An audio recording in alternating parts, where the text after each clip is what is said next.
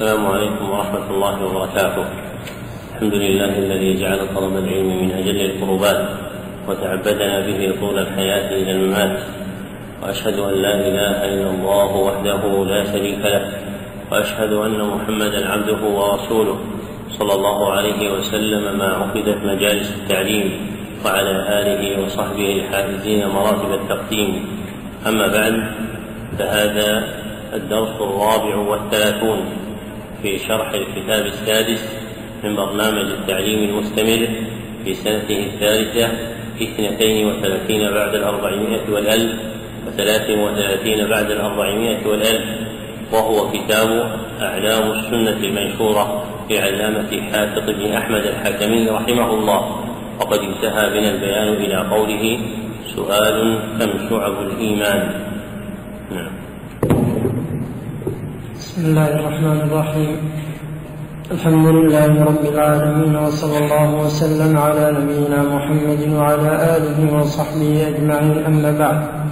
قال الشيخ حافظ رحمه الله تعالى سؤال كم شعب الإيمان؟ جواب قال الله تعالى ليس البر أن تولوا وجوهكم قبل المشرق والمغرب ولكن البر من آمن بالله واليوم الآخر والملائكة والكتاب والنبيين. وآتى المال على حبه ذوي القربى واليتامى والمساكين. وابن, وابن السبيل والسائلين وفي الرقاب وأقام الصلاة وآتى الزكاة والموفون بعهدهم إذا عاهدوا والصابرين في البأساء والضراء وحين البأس. أولئك الذين صدقوا وأولئك هم المتقون. وقال النبي صلى الله عليه وسلم الإيمان بضع وستون وفي رواية بضع وسبعون. بضع وسبعون شعبة. فأعلاها قول لا إله إلا الله وأدناها إماطة الأذى عن الطريق والحياء شعبة من الإيمان. لما فرغ المصنف رحمه الله تعالى من إفاضة القول فيما يتعلق ببيان أركان الإيمان ومن طوى في ذلك من جملة مباحثها بقيت منها بقية جعلها خاتمة وهي بيان عدد شعب الإيمان وإيضاح عدها واستفتح المسائل المتعلقة بشعب الإيمان بقوله سؤال كم شعب الإيمان؟ ولم يبين رحمه الله تعالى حقيقة الشيء المطلوب عده فكان اللائق به أن يقدم بيانا يستوفى منه معرفة حقيقة الشعب ثم يطلب بعد عددها. وشعب الإيمان هي خصاله فالشعبة الإيمانية هي الخصلة الإيمانية وهذه الخصال هي أجزاء الإيمان التي يتركب منها فإذا قيل كذا وكذا من شعب الإيمان يعني من خصاله. والطريق إلى معرفة خصال الإيمان هو التوقيف فلا طريق إلى إثبات كون شيء خصلة من خصال الإيمان إلا بدليل ناطق من كتاب أو سنة أو إجماع. وفيها صنف المصنفون كتبهم المعروفة باسم شعب الإيمان ككتاب البيهقي والحليمي وغيرهما رحمهم الله تعالى. ومما ينبغي أن يتبادر إلى ذهن المتوقف السؤال عن الفرق بين أركان الإيمان وشعبه. فما الفرق بينهما؟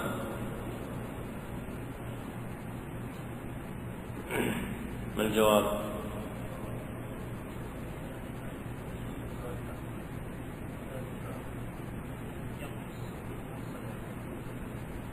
يقول الأخ يقول أركان الإيمان يزول بزوال بعضه بخلاف أركان الإيمان فالأركان يزول كله والشعب يزول بعضه.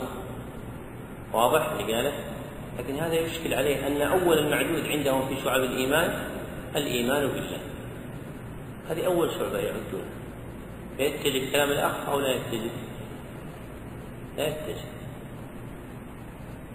نعم.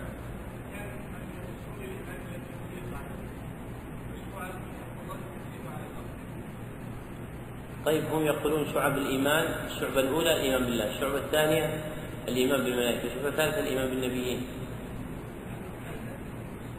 ها؟ الأركان الأخيرة؟ أصول الإيمان. طيب.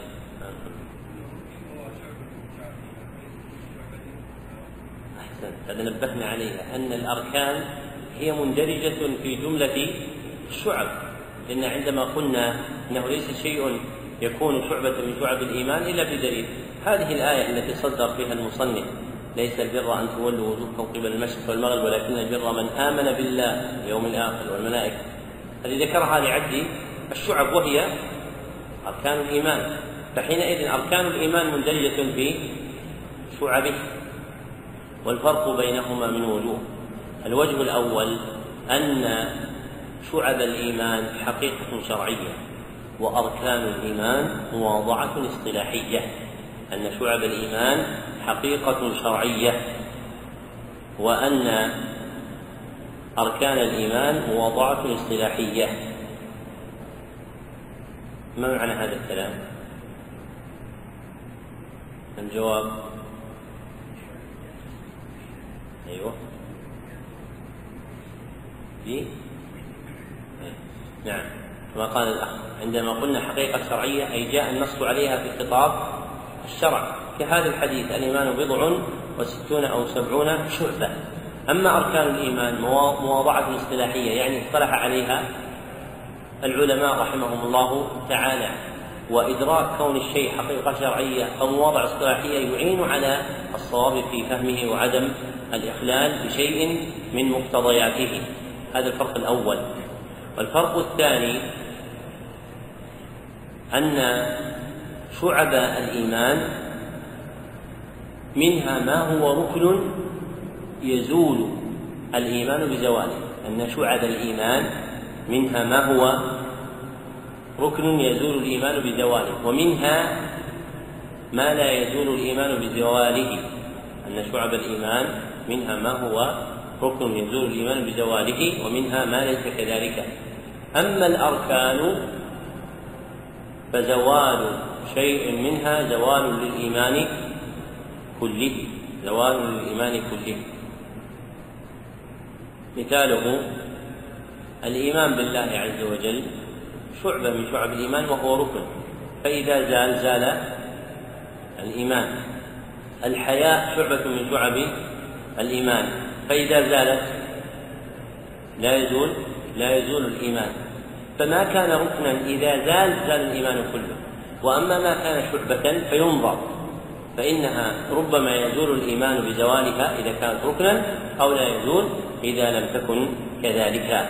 إذا تبين هذا فإن المصنف رحمه الله تعالى في سؤاله كم شعب الإيمان أجاب عنه بإيراد الآية من سورة البقرة المتضمنة لذكر بعض تلك الشعب فهي منبهة على عد جملة منها وجاء التصريح بالعدد في حديث أبي هريرة في الصحيحين أن النبي صلى الله عليه وسلم قال الإيمان بضع وستون.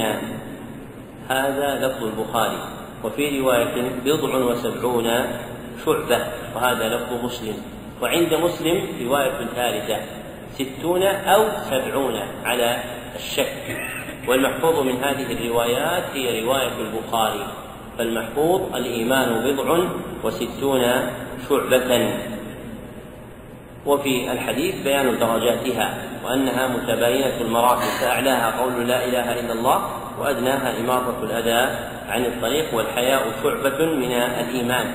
وفي ذكر هؤلاء الثلاث في الحديث تنبيه إلى أن شعب الإيمان منها ما هو قولي كقول لا إله إلا الله ومنها ما هو عملي كإماطة الأذى عن الطريق ومنها ما هو قلبي كالحياة. نعم. أحسن الله عليكم سؤال بما فسر العلماء هذه الشعب. جواب قد عدها جماعة من شراح الحديث وصنفوا فيها التصانيف. فأجادوا وأفادوا ولكن ليس معرفة تعدادها شرطا في الإيمان بل يكفي الإيمان بها جملة وهي لا تخرج عن الكتاب والسنة. فعلى العبد امتثال أوامرها واجتناب زواجرها وتصديق أخبارها وقد استكمل شعب الإيمان والذي عددوه حق كله من أمور الإيمان. ولكن القطع بأنه هو مراد النبي صلى الله عليه وسلم بهذا الحديث يحتاج إلى توقيف. أورد المصنف رحمه الله تعالى سؤالا آخر يتعلق بطلب تفسير العلماء هذه الشعب المذكور عدها في قوله صلى الله عليه وسلم بضع وستون أو بضع وسبعون. فبين ذلك بقوله قد عدها جماعة من شراح الحديث وجوابه تنبيه تنبيه إلى أن المفسر هو العدد لا يريد حقيقة الشعب وإنما أراد تفسير العدد فقال قد عدها يعني تلك الستون البضع وستون أو سبعون عدها جماعة من شراح الحديث وصنفوا فيها التصانيف فأجادوا وأفادوا كتصنيف البيهقي والحليمي واختصار القزويني لشعب الإيمان. ثم قال ولكن ليس معرفة تعدادها شرطا في الإيمان. بل يكفي الإيمان بها جملة وهي لا تخرج عن الكتاب والسنة. فلو لم يعرف الإنسان تعداد تلك الشعب صح إيمانه. ثم قال وهي لا تخرج عن الكتاب أو السنة والسنة معدودة فيهما. فعلى العبد امتثال أوامرها واجتناب زواجرها وتصديق أخبارها يعني الشريعة. وقد استكمل شعب الإيمان. والذي عددوه أي في شعب الإيمان حق كله من أمور الإيمان لأن النصوص تأتي متضمنة كونه إيمانا كحديث حسن العهد من الإيمان. فيعلم أن حسن العهد شعبة من شعب الإيمان. ثم قال ولكن القطع بأنه هو مراد النبي صلى الله عليه وسلم بهذا الحديث يحتاج إلى توقيف. يعني أن الجزم بأن هذه الشعب المعدودة عند البيهقي أو الشعب المعدودة عند الحليمي هي المرادة بهذا الحديث يحتاج إلى توقيف. فهي من اجتهاد العلماء رحمهم الله تعالى. والشريعة قد تشير إلى أصل عظيم ثم تكله إلى اجتهاد الناس ترغيبا لهم في الفضل. كحديث إن لله تسعة وتسعين اسما من أحصاها دخل الجنة فإنه لم يأتي في النصوص الشرعية عدها واحدا واحدا والحديث الوارد في ذلك ضعيف. وإنما يلتمس ذلك من جملة المنقول في الكتاب والسنة فكذلك شعب الإيمان. جاء بيان عددها أنه بضع وستون في أصح الروايات لكن لم يأتي سردها في مقام واحد. حملا للناس على طلب الفضل كي يجتهد العبد في معرفة كون ذلك الأمر من شعب الإيمان أم لا. فإذا تبين أنه له من شعب الإيمان اجتهد في امتثاله. نعم. أحسن الله عليك سؤال أذكر خلاصة ما عدوه. جواب قد لخص الحافظ في الفتح ما أورد ابن حبان بقوله إن هذه الشعب تتفرع من أعمال القلب وأعمال اللسان وأعمال البدن فأعمال القلب المعتقدات والنيات على أربع وعشرين خصلة الإيمان بالله ويدخل فيه الإيمان بذاته وصفاته وتوحيده بأنه ليس كمثله شيء وهو السميع البصير واعتقاد حدوث ما دونه والإيمان بالملائكة وكتبه ورسله والقدر خيره وشره والإيمان باليوم الآخر ويدخل فيه المسألة في القبر والبعث والنشور والحساب والميزان والصراط والجنة والنار ومحبة الله والحب والبغض فيه ومحبة النبي صلى الله عليه وسلم واعتقاد تعظيمه ويدخل فيه الصلاة عليه صلى الله عليه وسلم واتباع سنته والإخلاص ويدخل فيه ترك الرياء والنفاق والتوبة والخوف والرجاء والشكر والوفاء والصبر والرضا بالقضاء والتوكل والرحمة والتواضع ويدخل فيه توقير الكبير ورحمة الصغير وترك الكبر والعجب وترك الحسد وترك الحقد وترك الغضب. وأعمال اللسان وتشتمل على سبع خصال التلفظ بالتوحيد وتلاوة القرآن وتعلم العلم وتعليمه والدعاء والذكر ويدخل فيه الاستغفار واجتناب اللغو. وأعمال البدن وتشتمل على ثمان وثلاثين خصلة.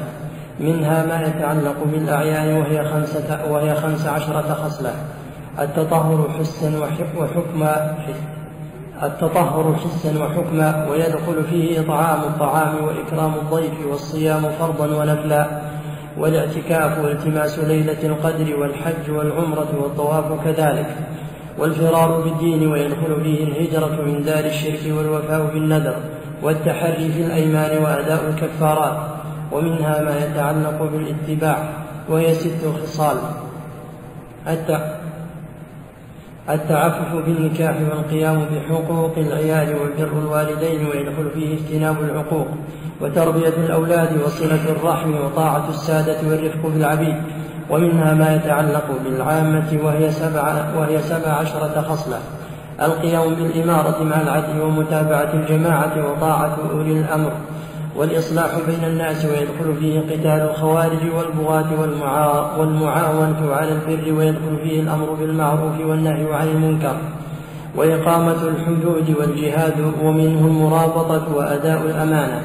ومنه أداء الخمس والقرض مع وفائه وإكرام الجار وحسن المعاملة.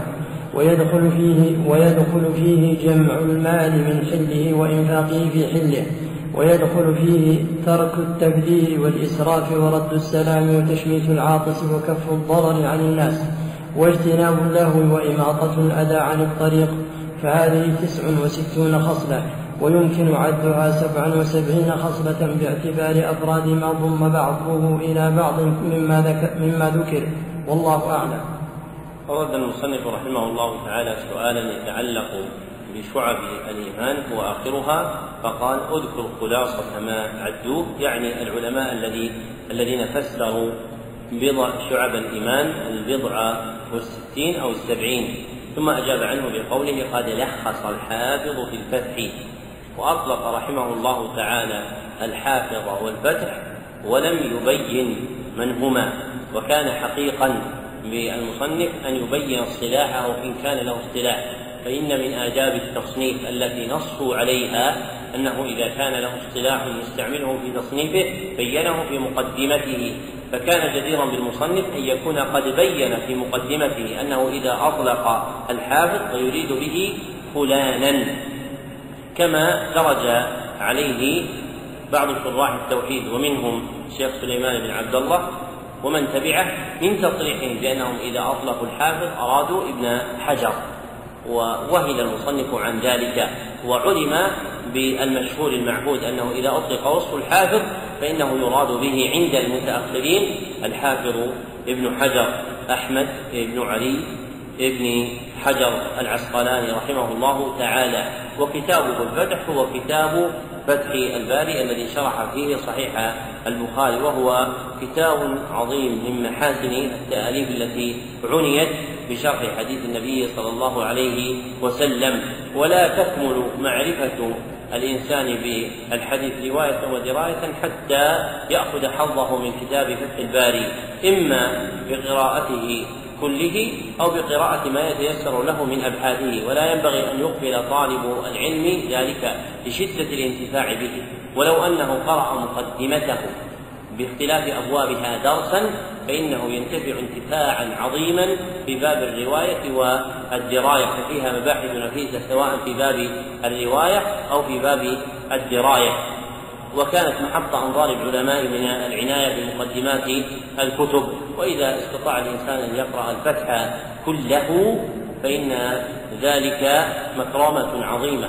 وقد أدركت رجلا من علماء الأفغان يقال له الشيخ عبد العزيز الأفغاني قرأ فتح الباري عشر مرات قراءة تدبر وتأمل وتفكر مع الاشتغال بغيره من الحوائج وأبواب العلم والإنسان إذا أقبل على الشيء أدركه.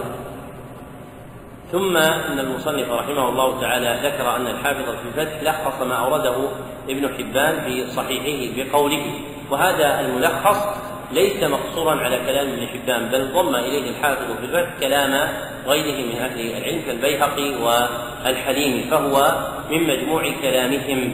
فكأن المصنف اقتصر على أولهم وهو ابن حبان لأنه أقدمهم. ثم ذكر رحمه الله تعالى ما جاء في كلام الحافظ ابن حجر الملخص. من كلام غيره أن هذه الشعب تتفرع من أعمال القلب وأعمال اللسان وأعمال البدن. والمراد بالعمل هنا معناه اللغوي وهو الفعل سواء كان قلبيا أو لسانيا أو بدنيا. ويندرج في ذلك لو كان اعتقاديا فهو معنى عام. وحاصل ذلك أن شعب الإيمان تنقسم على القلب واللسان والبدن. ثم ذكر أن أعمال القلب منها المعتقدات والنيات وأنها على أربع أربع وعشرين خصلة وأهل العلم يفرقون بين المعتقدات والنيات فيجعلون المعتقد قول القلب والنيات عمل القلب. وقد سبق أن ذكرت لكم أن القلب له قول وعمل فقوله اعتقاده وعمله هو حركاته الإرادية. ورأس هذه الحركات النية ويندرج فيه المحبة والرجاء والخوف وغيرها من الأعمال القلبية. فذكر أنها تنقسم على 24 خصلة. الإيمان بالله يدخل فيه الإيمان بذاته وصفاته وتوحيده لأنه ليس كمثله شيء وهو السميع البصير واعتقاد حدوث ما دونه يعني أن غيره محدث مخلوق. والإيمان بالملائكة بملائكته وكتبه ورسله والقدر خيره وشره والإيمان باليوم الآخر فيدخل فيه جملة من المسائل عدها المصنف. ثم قال ومحبة الله والحب والبغض فيه ومحبة النبي صلى الله عليه وسلم واعتقاد تعظيمه. ويدخل فيه الصلاة عليه صلى الله عليه وسلم واتباع سنته إلى تمام ما ذكر. ثم ذكر أعمال اللسان فقال وتشتمل على سبع خصال التلفظ بالتوحيد وتلاوة القرآن وتعلم العلم وتعليمه والدعاء والذكر. ويدخل فيه الاستغفار واجتناب اللغو. ثم قال وأعمال البدن وهي القسم الثالث من شعب الإيمان وتشتمل على ثمان وثلاثين خصلة منها ما يتعلق بالأعيان يعني بأفراد العبيد كل واحد بحسبه وهي خمس عشرة خصلة التطهر حسنا وحكما يدخل فيه إطعام الطعام وإكرام الضيف. ثم قال بعد ذلك ومنها ما يتعلق بالأتباع يعني الذين ينضمون إلى الرجل ويكون قائما عليهم من خاصته. قال كالتعفف بالنكاح والقيام بحقوق العيال وبر الوالدين ورزق باجتناب العقوق وتربية الأولاد وصلة الرحم وطاعة السادة والرفق بالعبيد.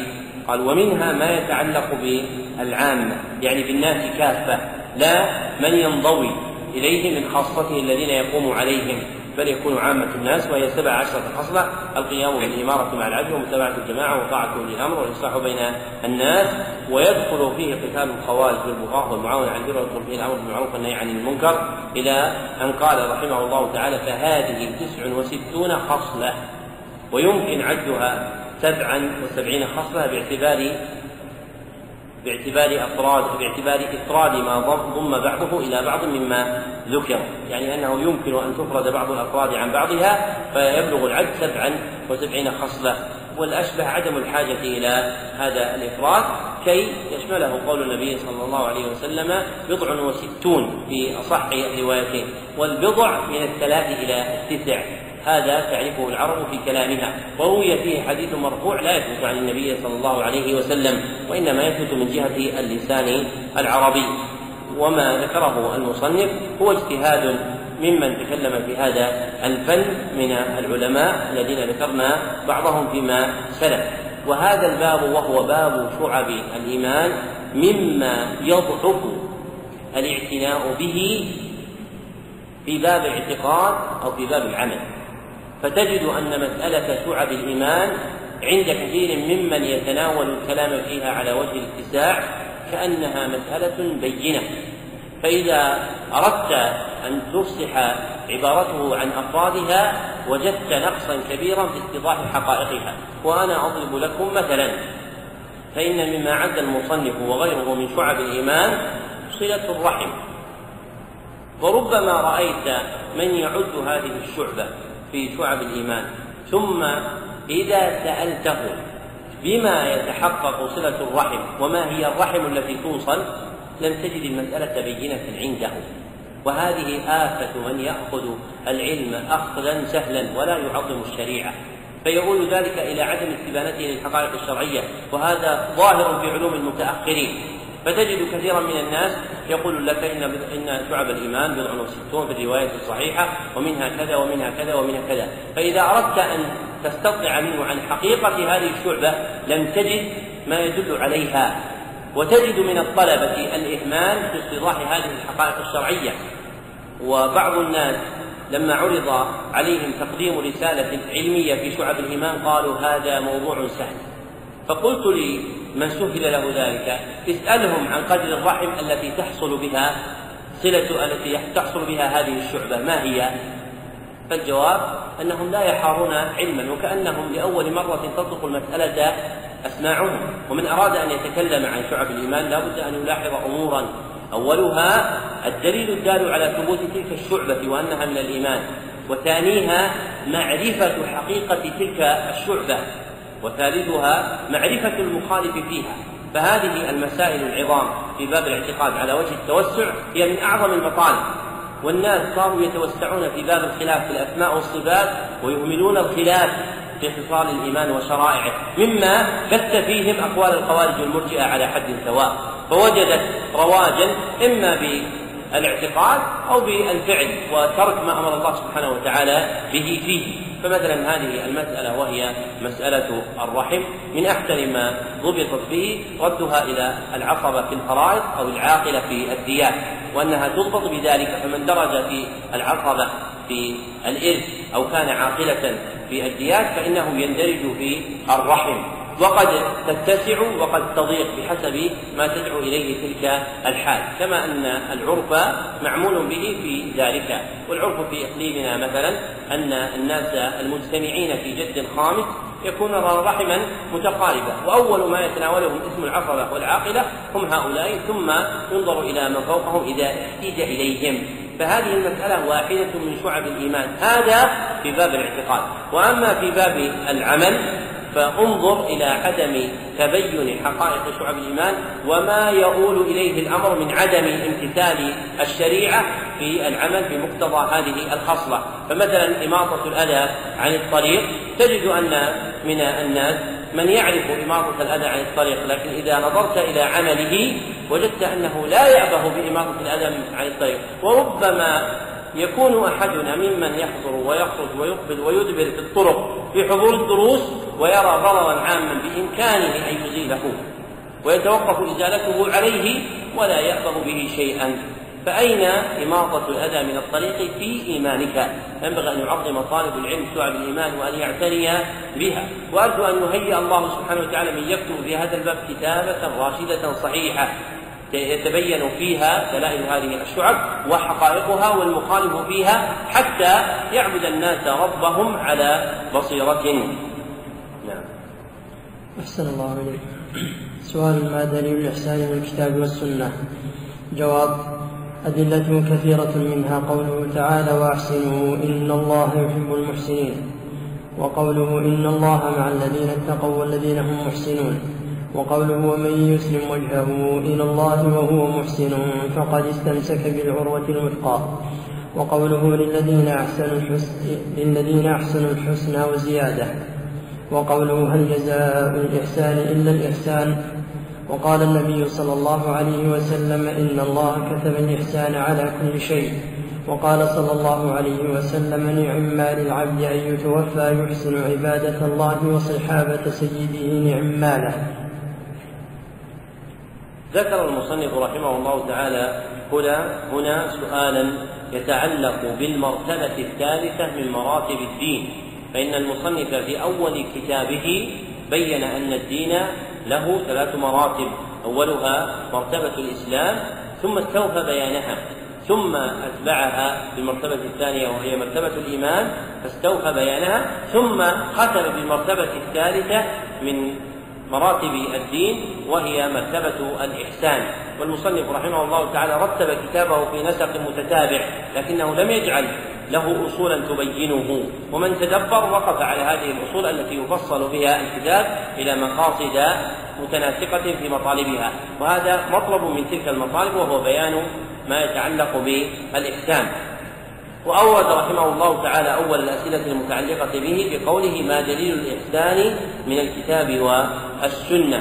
وأخر رحمه الله تعالى بيان حقيقته لأنه قال بعد ذلك ما هو الإحسان في العبادة؟ والعرب قد تؤخر المطالب العظمى لبيان ما تعلق بها. فمثلا ربما ذكرت العرب فضل الشيء قبل أن تذكر حقيقته. أو ذكرت ما يدل عليه قبل أن تذكر حقيقته. وهذا عندهم مرتب لتقديم ما ينبغي العناية به.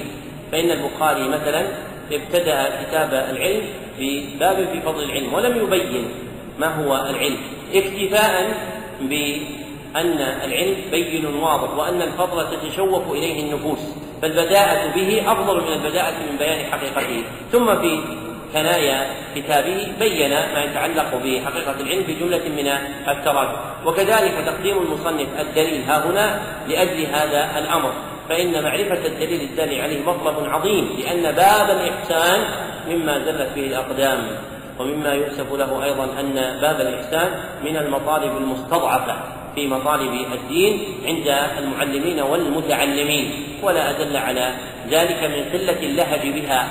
وباب الإحسان وهو تزكية النفوس باب عظيم وهو من أعظم العلوم التي ينبغي أن يعتني بها طالب العلم. لكنها اختصرت لأجل تأخر مباحثها فصار إذا وصل إليها الطالب متعلما أو الشيخ معلما قد كلت قواه وضعفت عن بيان ما يتعلق به من المسائل. فيأتي باب الإحسان قليلا مما ولد الخطرات والوساوس والأقوال الفاسدة في باب الإحسان. بل صار من المخالفين لأهل السنة والجماعة من المتأخرين من هم عنايته بباب الإحسان أكثر من عناية أهل السنة والجماعة. بل صار في هؤلاء المخالفين من يعتد بكتب أهل السنة والجماعة ككتاب الجواب الكافي ومدارج السالكين وإغاثة اللهفان فيقررها مناهج تعليمية وطوي بساط تقريرها مناهج تعليمية عند أهل السنة والجماعة مما يدل على شدة الأمر في إكمال باب الإحسان وضعفه في نفوس الناس. فينبغي أن يجتهد طالب العلم في أن يكون له حظ من فهم باب الإحسان بمعرفة مراتب العبادة. مما قرره السلف رحمهم الله تعالى في تصانيف الزهد كالزهد لأحمد أو الزهد لأبي داود أو الزهد للبيهقي أو الزهد لابن أبي عاصم أو الزهد لأسد بن موسى أو الزهد وكيع بن الجراح أو الزهد لهناد بن السري. فإن هذه كتب عظيمة. أو مما قرره الأئمة المصنفون في القرون الوسطى من أهل السنة والجماعة كابن تيمية في الرسالة العراقية أو تلميذه ابن القيم في مدارج السالكين أو في الجواب الكافي. فهو مطلب عظيم ينبغي أن تكونوا له من الأيقاظ. لما يورثه لكم من العلم والعمل فإن من فهم باب الإحسان اعتقادا وامتثله عملا ارتقى إلى المرتبة العظيمة وهي مرتبة الإحسان. ومن جهله لا يمكن أن يقوم به فالذي يجهل حقيقة الإحسان ومداركه ومقاصده ومسائله وما ينطوي عليه من الأبحاث يضعف عن ذلك. وربما وقع أهل السنة والجماعة في أشياء تخالف قواعدهم في الدين في باب الإحسان. فإن عظم طريقة أهل السنة والجماعة هي اتباع النبي صلى الله عليه وسلم وللصحابة والتابعين. وقد دب إليهم من المخالفين أو من الأهواء والآراء الكاسدة أشياء في باب تزكية النفس ومعاملة الإحسان مما لم يقم به دليل في الكتاب ولا في السنة. فصار يستحلي الإنسان في نفسه أن يزكيها بشيء ليس في كتاب ولا في سنة ولا أثر ولا كان عليه عمل الناس في هذه البلاد. بل ضعف الناس عن عمل ما كان عليه أهل الإحسان وصلاح النفوس في هذه البلاد وزينوا لأنفسهم أشياء تخرج عن طلب التزكية للنفس كما ينبغي وصاروا يقبلون عليها إقبالا كثيرا كالقصائد المسجعة الملحنة التي تسمى بالأناشيد. فهذه الأشياء إنما يتقوت بها الإنسان في حال التعب كسفر أو شدة نصب على أوضاع معينة شرعا.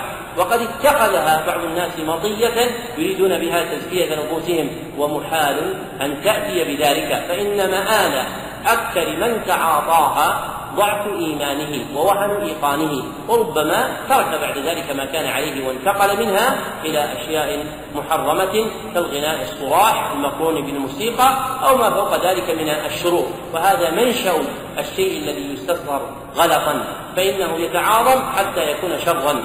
كما قال البربهاري رحمه الله تعالى إن البدع تبدأ صغارا حتى تعود كبارا. وصدق رحمه الله تعالى. فإن هذه الأشياء كان مما لا يؤبه به في بلادنا. وربما استمع الناس إلى قصيدة في الزهد بصوت حسن.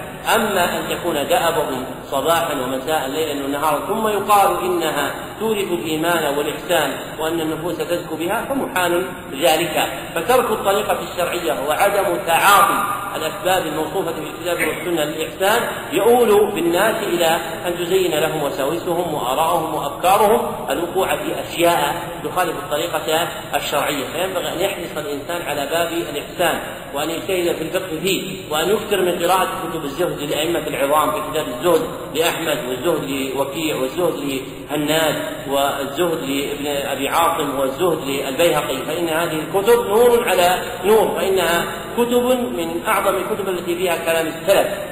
في باب الإحسان وأقوالهم وأحوالهم وهي في مشكاتها مقتبسة من القرآن والسنة. وكان أهل هذا القطر يعتنون بكتاب الزهد للإمام أحمد فلم يكن ينقطع إقراؤه في حلق العلماء الكبار. حتى ضعف الأمر فصار هذا الكتاب من الكتب التي ليس لها ذكر بين المتعلمين بل يرون أنه كتاب رواية يأخذه الإنسان يطلب فيه تخريج حديث أو أثر وهذا جمود العلم. الذي أخرج به الناس العلم الشرعي عن حقيقته إلى أنماط وأحوال استحدثوها خالفوا بها طريقة سلفهم فلا بد من العناية بباب الإحسان وتزكية النفس واقتباسه من كلام السلف رحمهم الله تعالى والاستغناء بالكتاب والسنة فيما ورد في هذا الباب.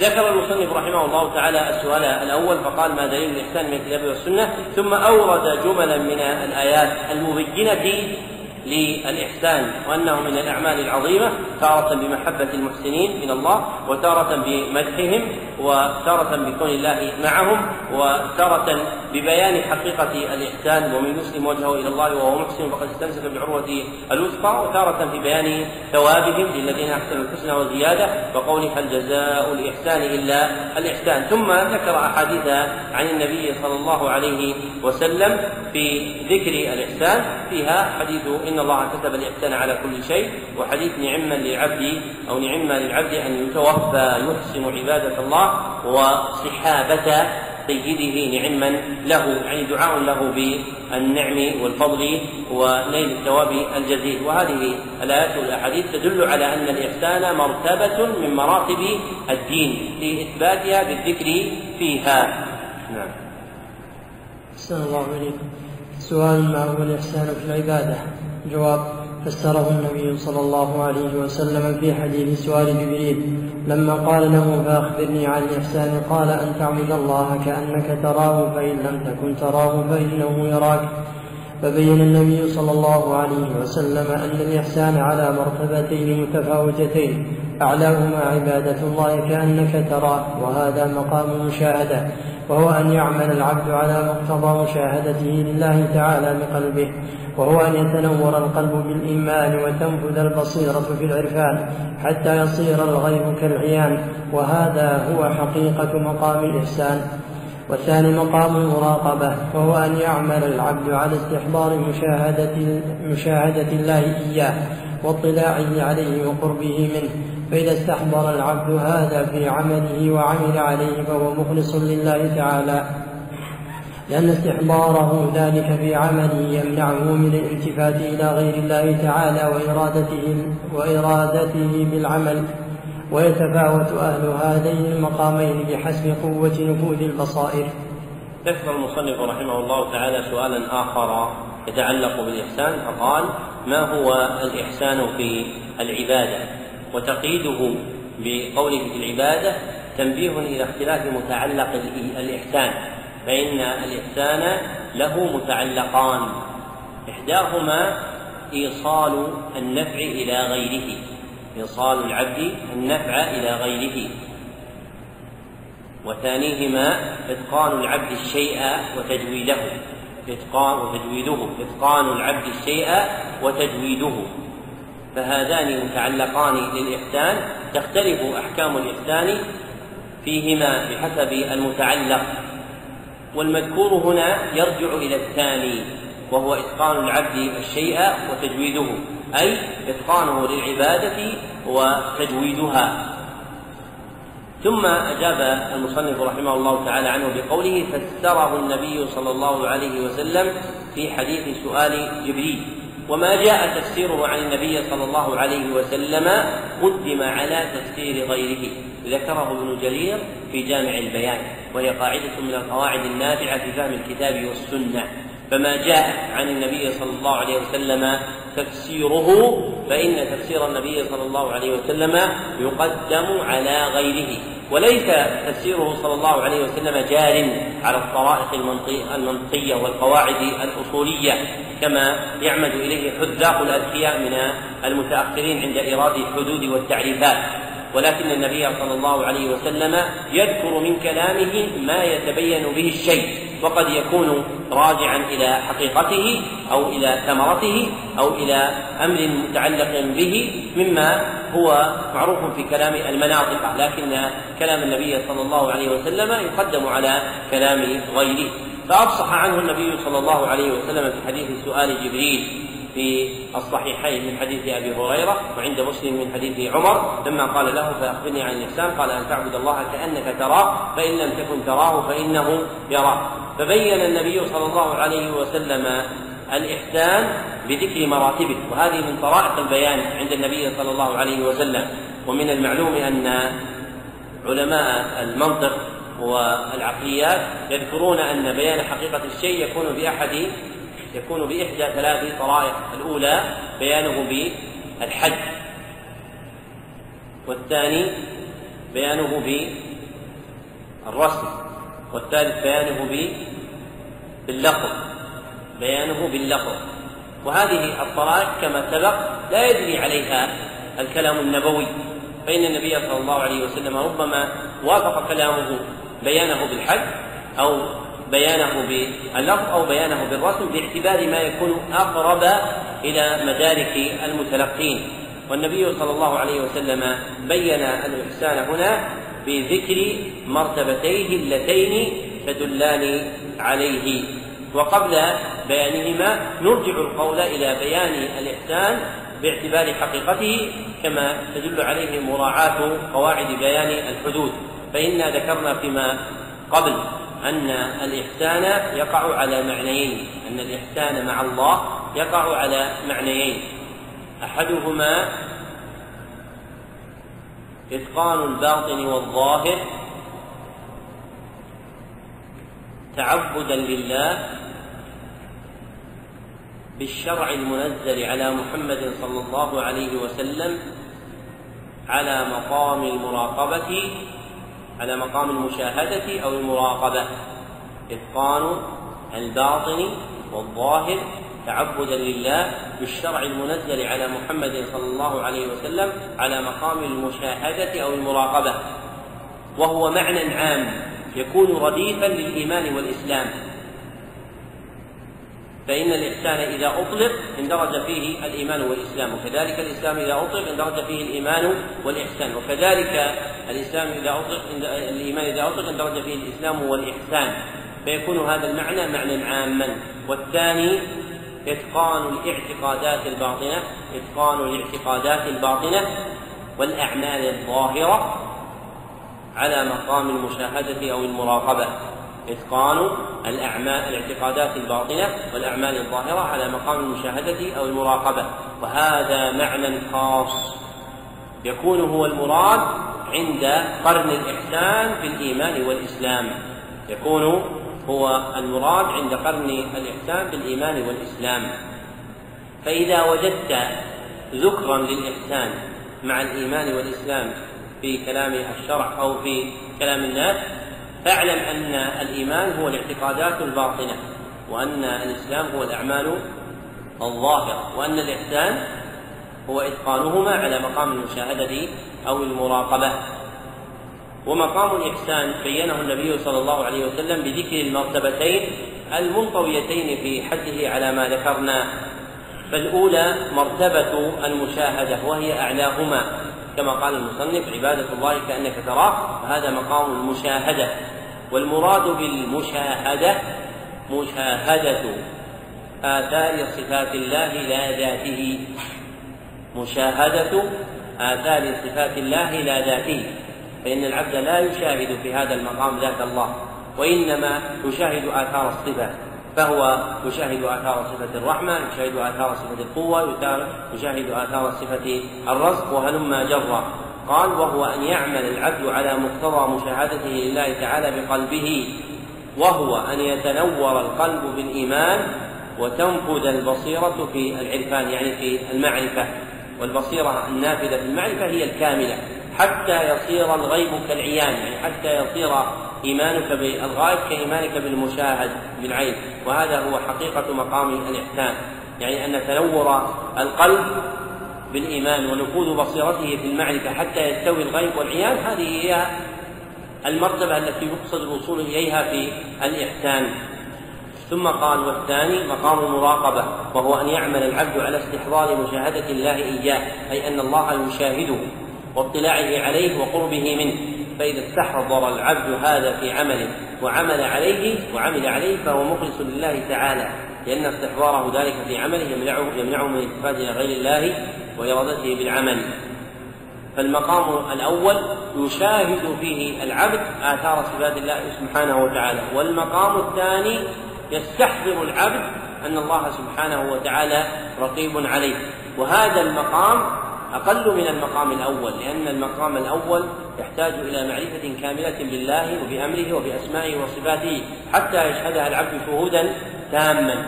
وأما المقام الثاني فإنه يكفي العبد فيه أن يعلم أن الله سبحانه وتعالى مراقب له مطلع عليه في أعماله. ثم قال المصنف ويتفاوت أهل هذين المقامين بحسب قوة نفوذ البصائر. يعني أن الناس في كل مقام من هذين المقامين تختلف مراتبهم. فأهل المرتبة الأولى وهو هم أهل مقام المشاهدة متفاوتون فيها. فالناس درجات في المشاهدة. فمنهم من له مشاهدة عظيمة ومنه من دون ذلك. والعبد في نفسه تقوى مشاهدته تارة وتضعف تارة أخرى. ومن كملت مجاهدته تمت مشاهدته. من كملت مجاهدته تمت مشاهدته.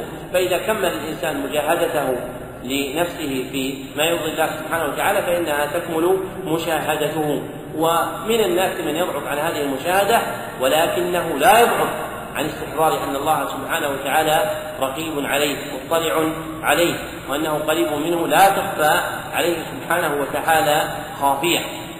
وإذا كان ابن القيم رحمه الله تعالى اعتذر في بعض كلامه في مدارج السالكين وفي طريق السعادة طريق الهجرتين عن الإفصاح عن هذه المقامات لعزوب اللسان عن الوفاء بحقائق الوجدان مع ما كان يجد رحمه الله تعالى من كمالاتها فإن أمثالنا أحوج إلى أحوج إلى الاعتذار عن بيان هذه المقامات ببيان اللسان فإن الإنسان يرى محله من التلطف بالذنوب والمعاصي وقلة الطاعات ومن كمل إيمانه وقوي إيقانه وجدت من حلاوة كلامه في بيان الإيمان ودرجات الإحسان ومراتب أهله ومقاماتهم وأعمالهم ما لا تجده في كلام غيره.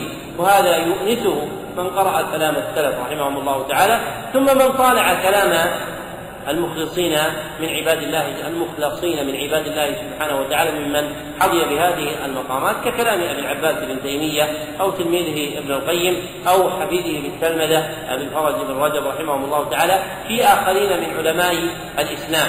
فكلام أولئك أنفع واشفى للنفوس وأعلى من كلام أولئك كلام الله سبحانه وتعالى وكلام النبي صلى الله عليه وسلم. وقلما رأيت رجلا فتح عليه في باب العلم إلا وندم في آخر حياته على تفريطه في الاعتناء بكلام الله أو كلام النبي صلى الله عليه وسلم. فإنه في كلام أبي العباس بن تيمية رحمه الله تعالى ندمه على عدم إفراغ عمره في فهم كلام الله سبحانه وتعالى. واتفق كذلك هذا الأمر للعلامة الفراهي وهو من متأخري المفسرين من أهل الهند من أشهر من أشهر مفسري المتأخرين وأحسنهم فهما للقرآن وله مدرسة عظيمة في فهم القرآن. فإنه ندم على عدم تزكيته ما مضى من عمره في فهم القرآن. والعلامة الشنقيطي نقل عنه في حجه الأخير أنه ندم على عدم عنايته بفهم السنة كما اعتنى بفهم القرآن. فينبغي أن يطلب الإنسان الدواء من الكتاب والسنة بإمعان النظر في فهم كلام الله وكلام النبي صلى الله عليه وسلم. ويستعين بكلام العلماء رحمهم الله تعالى في تفسير كلام الله وشرح حديث النبي صلى الله عليه وسلم. ولا يستقلن بنفسه ولا سيما في باب الإحسان بفهم هذه المدارك والمطالب فإن النفوس لها وساوس وخطرات. وربما زينت في باب الإحسان للإنسان أشياء يظنها مما يترقى بها وهو في الحقيقة يتردى بها. وهذا وقع لجماعة ممن عدل عن فهم كلام الله وكلام النبي صلى الله عليه وسلم بفهوم السلف وكلام السلف.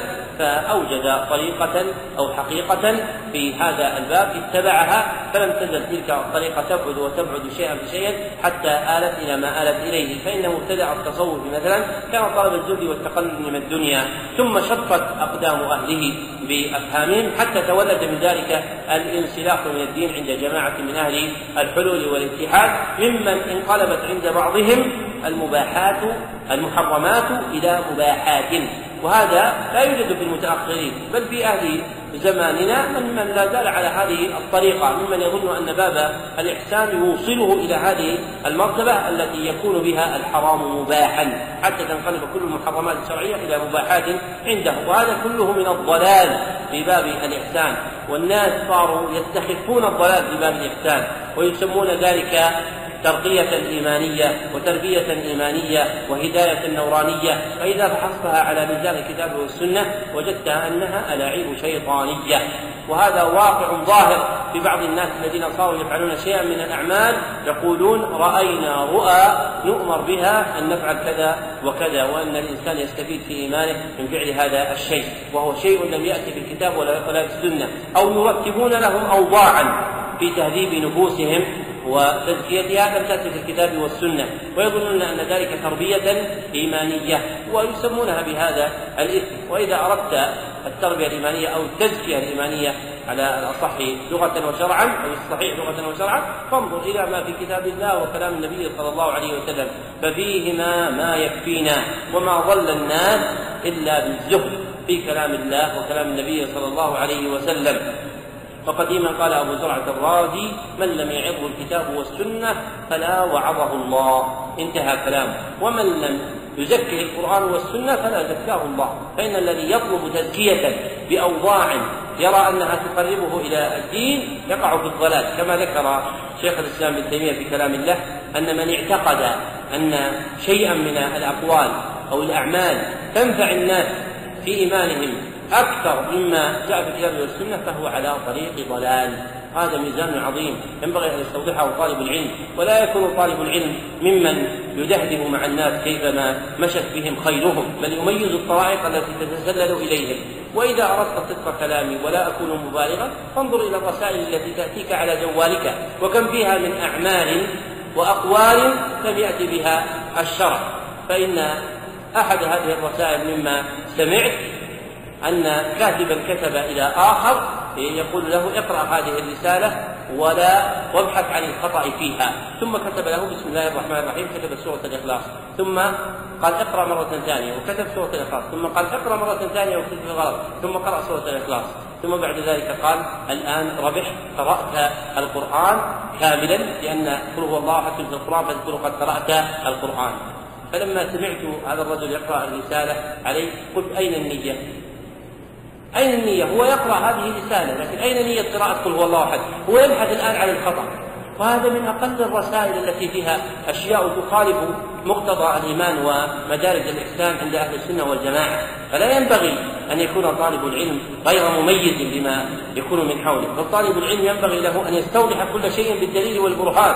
ولا يكون إمعة يتبع الناس كيفما قالوا. وربما تكلم الناس بأشياء عظيمة في الدين.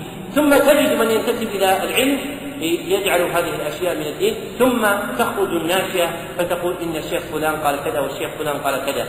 لا حجة بعد الكتاب والسنة والحي لا تؤمن عليه الفتنة وإنما الحجة في القرآن والسنن والآثار وما كان عليه العلماء. أما ما يستحدثه الناس يقول تبع للشيخ فلان تبع للشيخ فلان ونحن سألنا الشيخ فلان قال لا بأس بهذا الشيء يرسمون صورة يضعون فيها نار في الجهة ويضعون خضرة في الشيء الثاني ويجعلونها في المساجد ويقولون اتعب بها الناس طريق الجنة وطريق النار.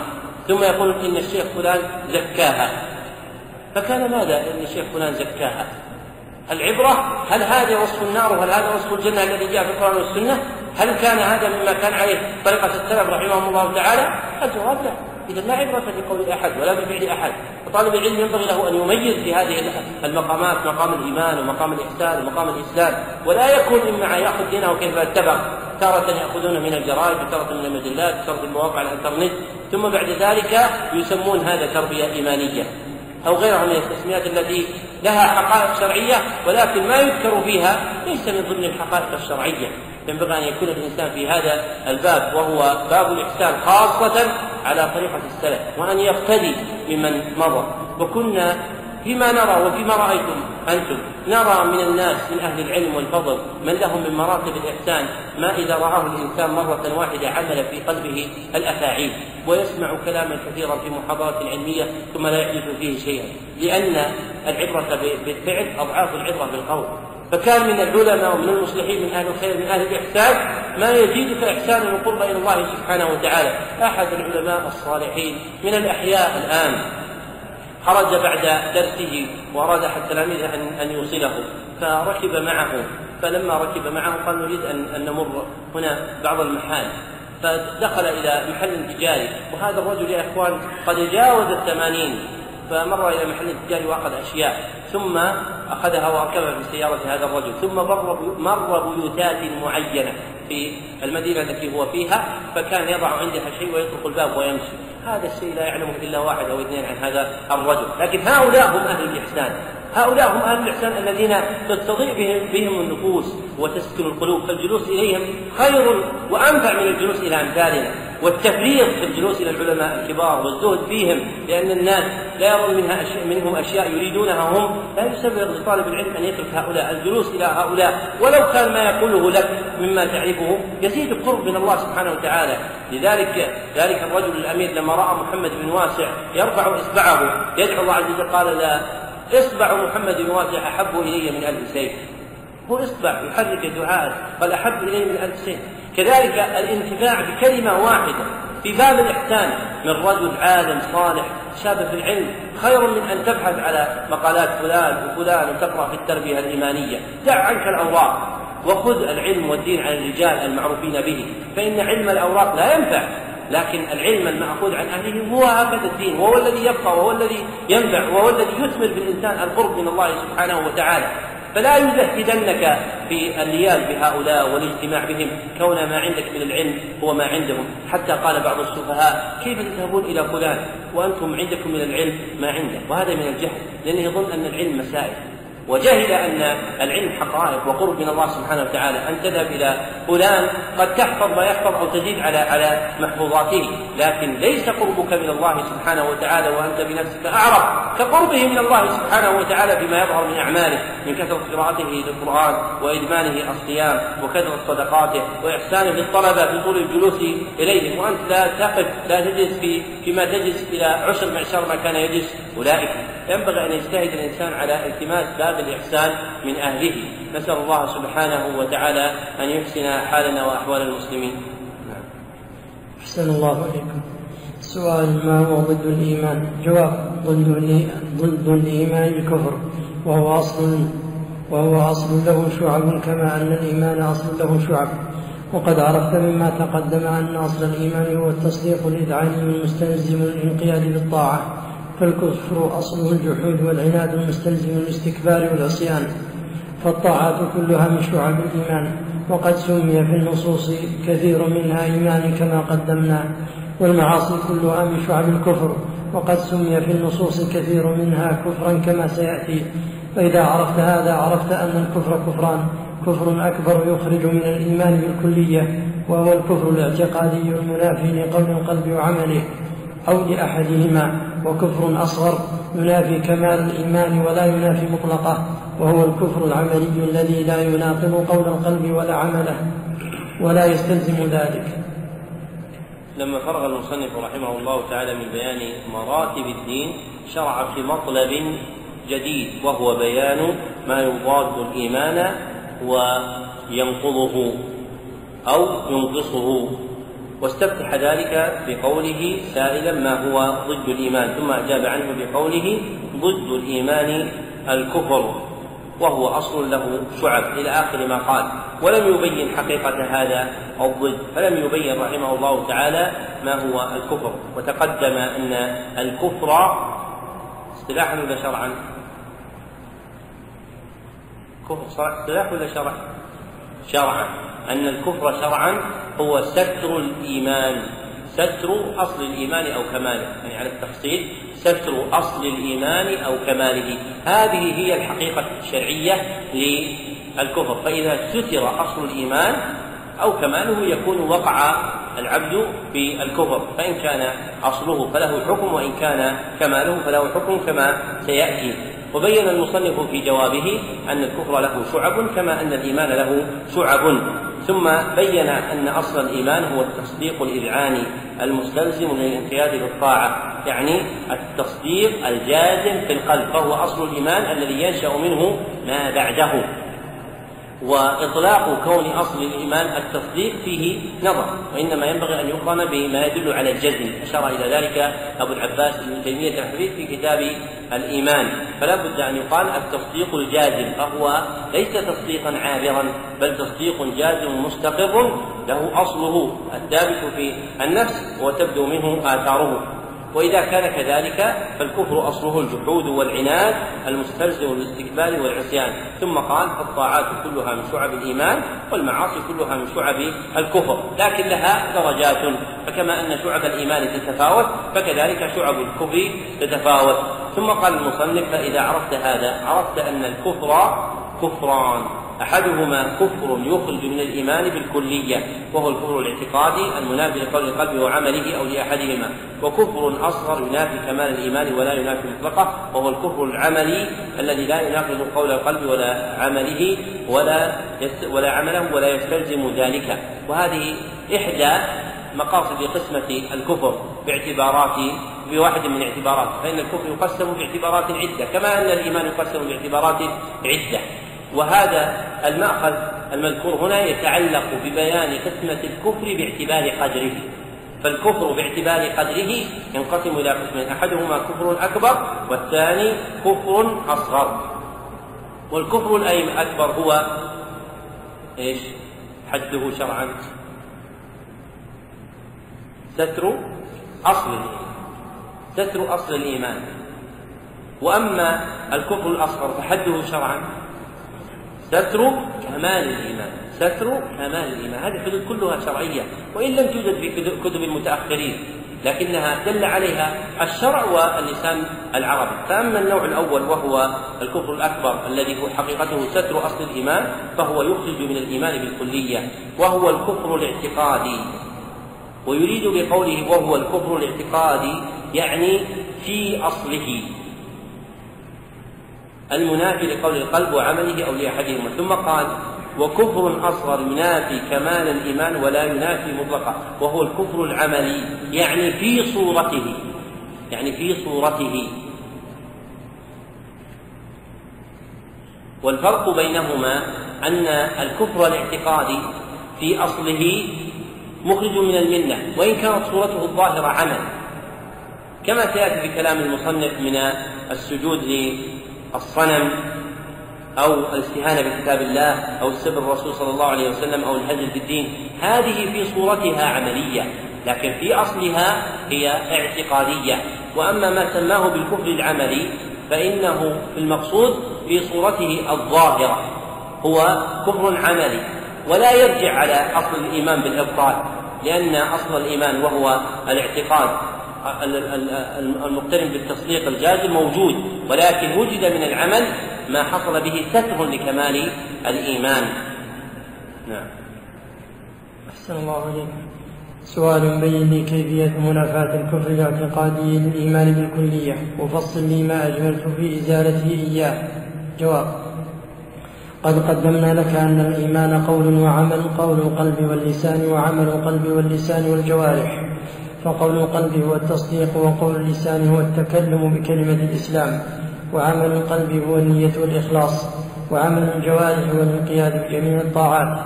فإذا زال جميع هذه الأربعة قول القلب وعمله وقول اللسان وعمل الجوارح زال الإيمان بالكلية. وإذا زال تصديق القلب لم تنفع البقية. فإن تصديق القلب شرط فإن تصديق القلب شرط في شرط في اعتقادها وكونها نافعة. وذلك كمن كذب بأسماء الله وصفاته أو بأي شيء مما أرسل الله به رسله وأنزل به كتبه. وإن زال عمل القلب مع اعتقاد مع اعتقاد الصدق فأهل السنة مجمعون على زوال الإيمان كل كله بزواله. وأنه لا ينفع وأنه لا ينفع التصديق مع انتفاء عمل القلب وهو محبته. وانقياده كما لم كما لم ينفع إبليس إبليس وفرعون وقومه واليهود والمشركين الذين كانوا يعتقدون صدق الرسول صلى الله عليه وسلم بل, يقر بل, بل ويقرون به سرا وجهرا ويقولون ليس بكذاب ولكن لا نتبعه ولا نؤمن به.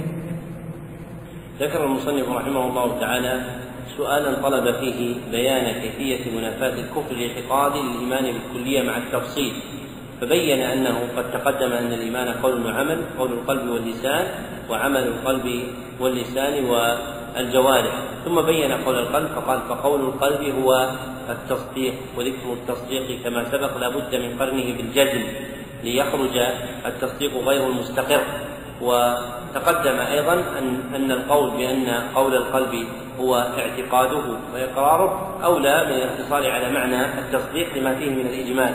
ثم قال وقول اللسان وهو التكلم بكلمة الإسلام وعمل القلب وهو النية والإخلاص وعمل الجوارح وهو الإقرار بجميع الطاعات. ثم قال فإذا زالت جميع هذه الأربعة قول القلب وعمله وقول اللسان وعمل الجوارح زال الإيمان كله بالكلية. وإذا زال تصديق القلب لم تنفع البقية. فلو كان الإنسان له عمل لكن دون تصديق قلب جازم لم ينفعه ما بقي.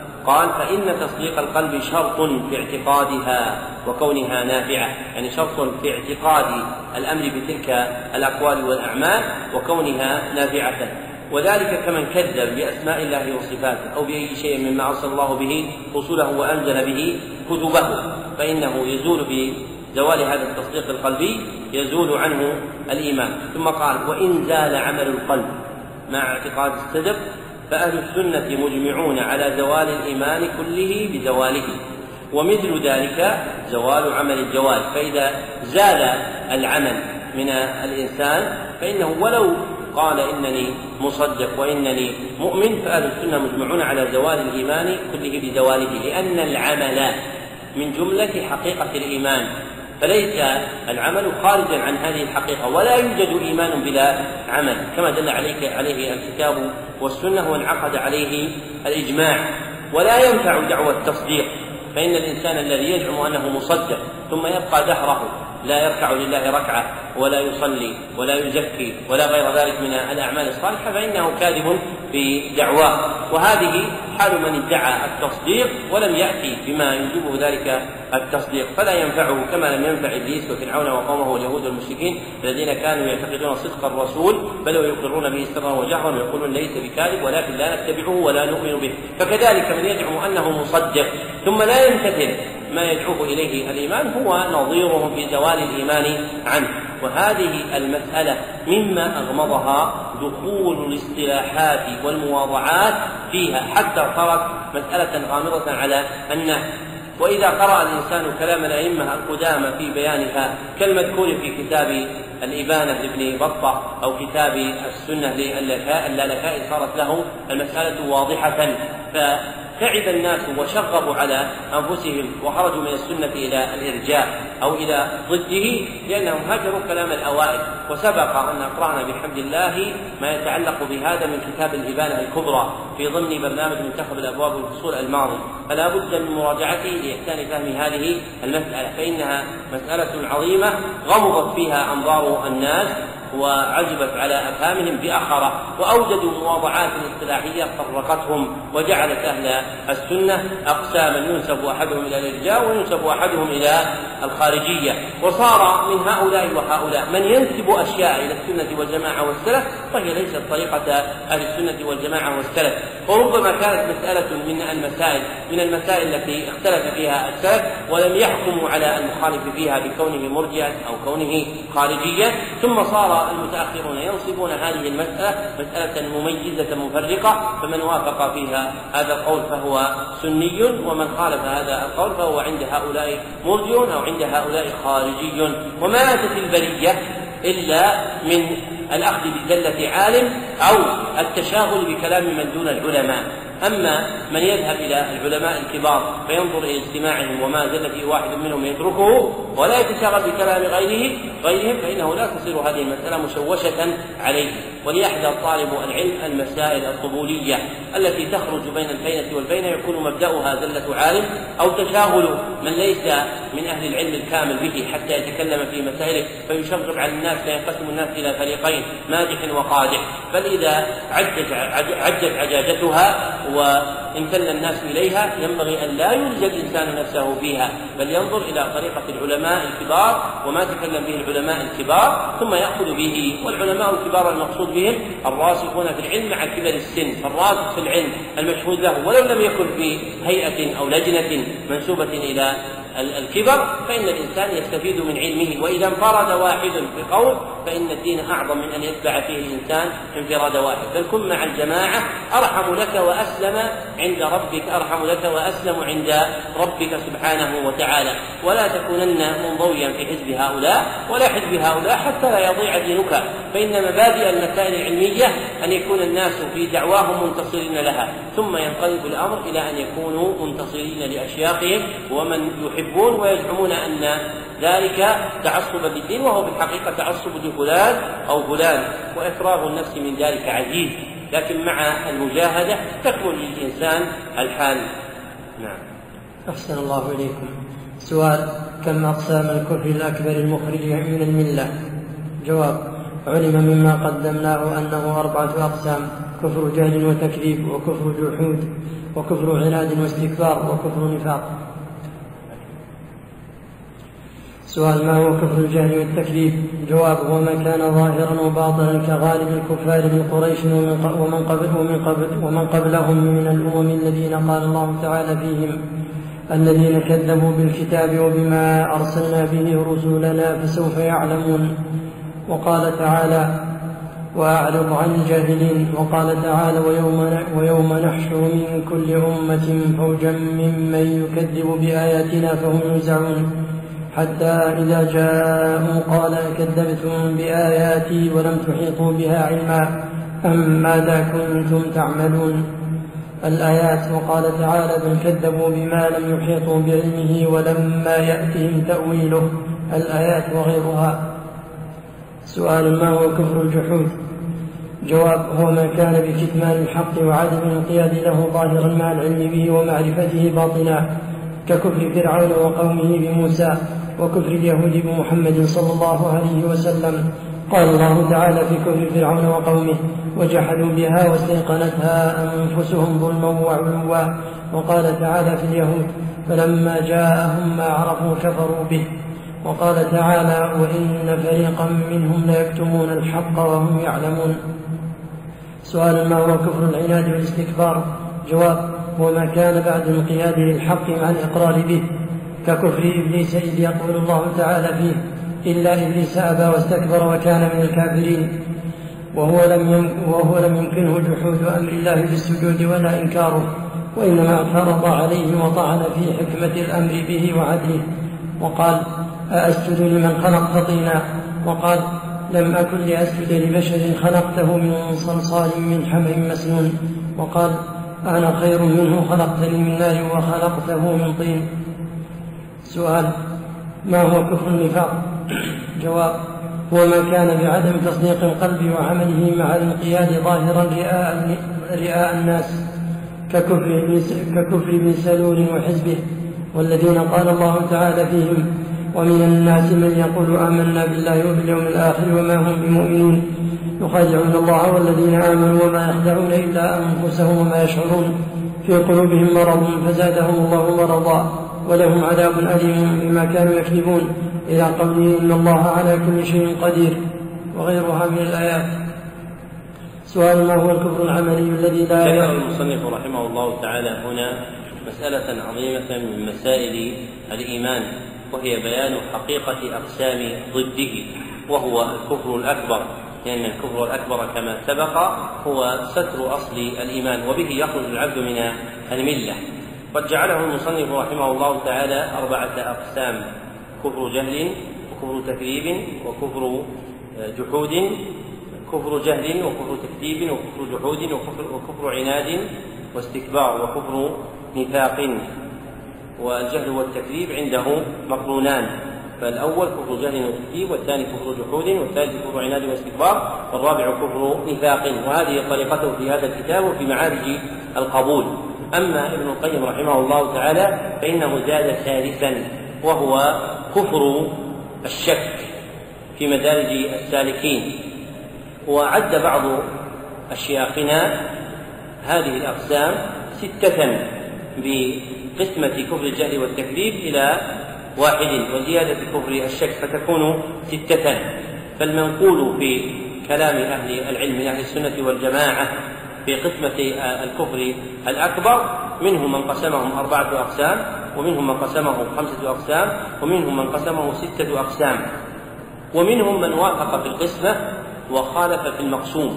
فتجده يذكر أن الكفر أربعة أقسام ثم يترك واحدا من هذه الأربعة المعدودة عند المصنف ويرد ويعد عوضا عنه كفر الدعوة أو الدعاء. كما وقع في كلام بعض أئمة الدعوة النجدية في الدرر الثنية وإنما اختلفت طرائق أهل العلم رحمهم الله تعالى في قسمة الكفر الأكبر لأنهم لم يريدوا الحصر وإنما أرادوا بيان الأصول.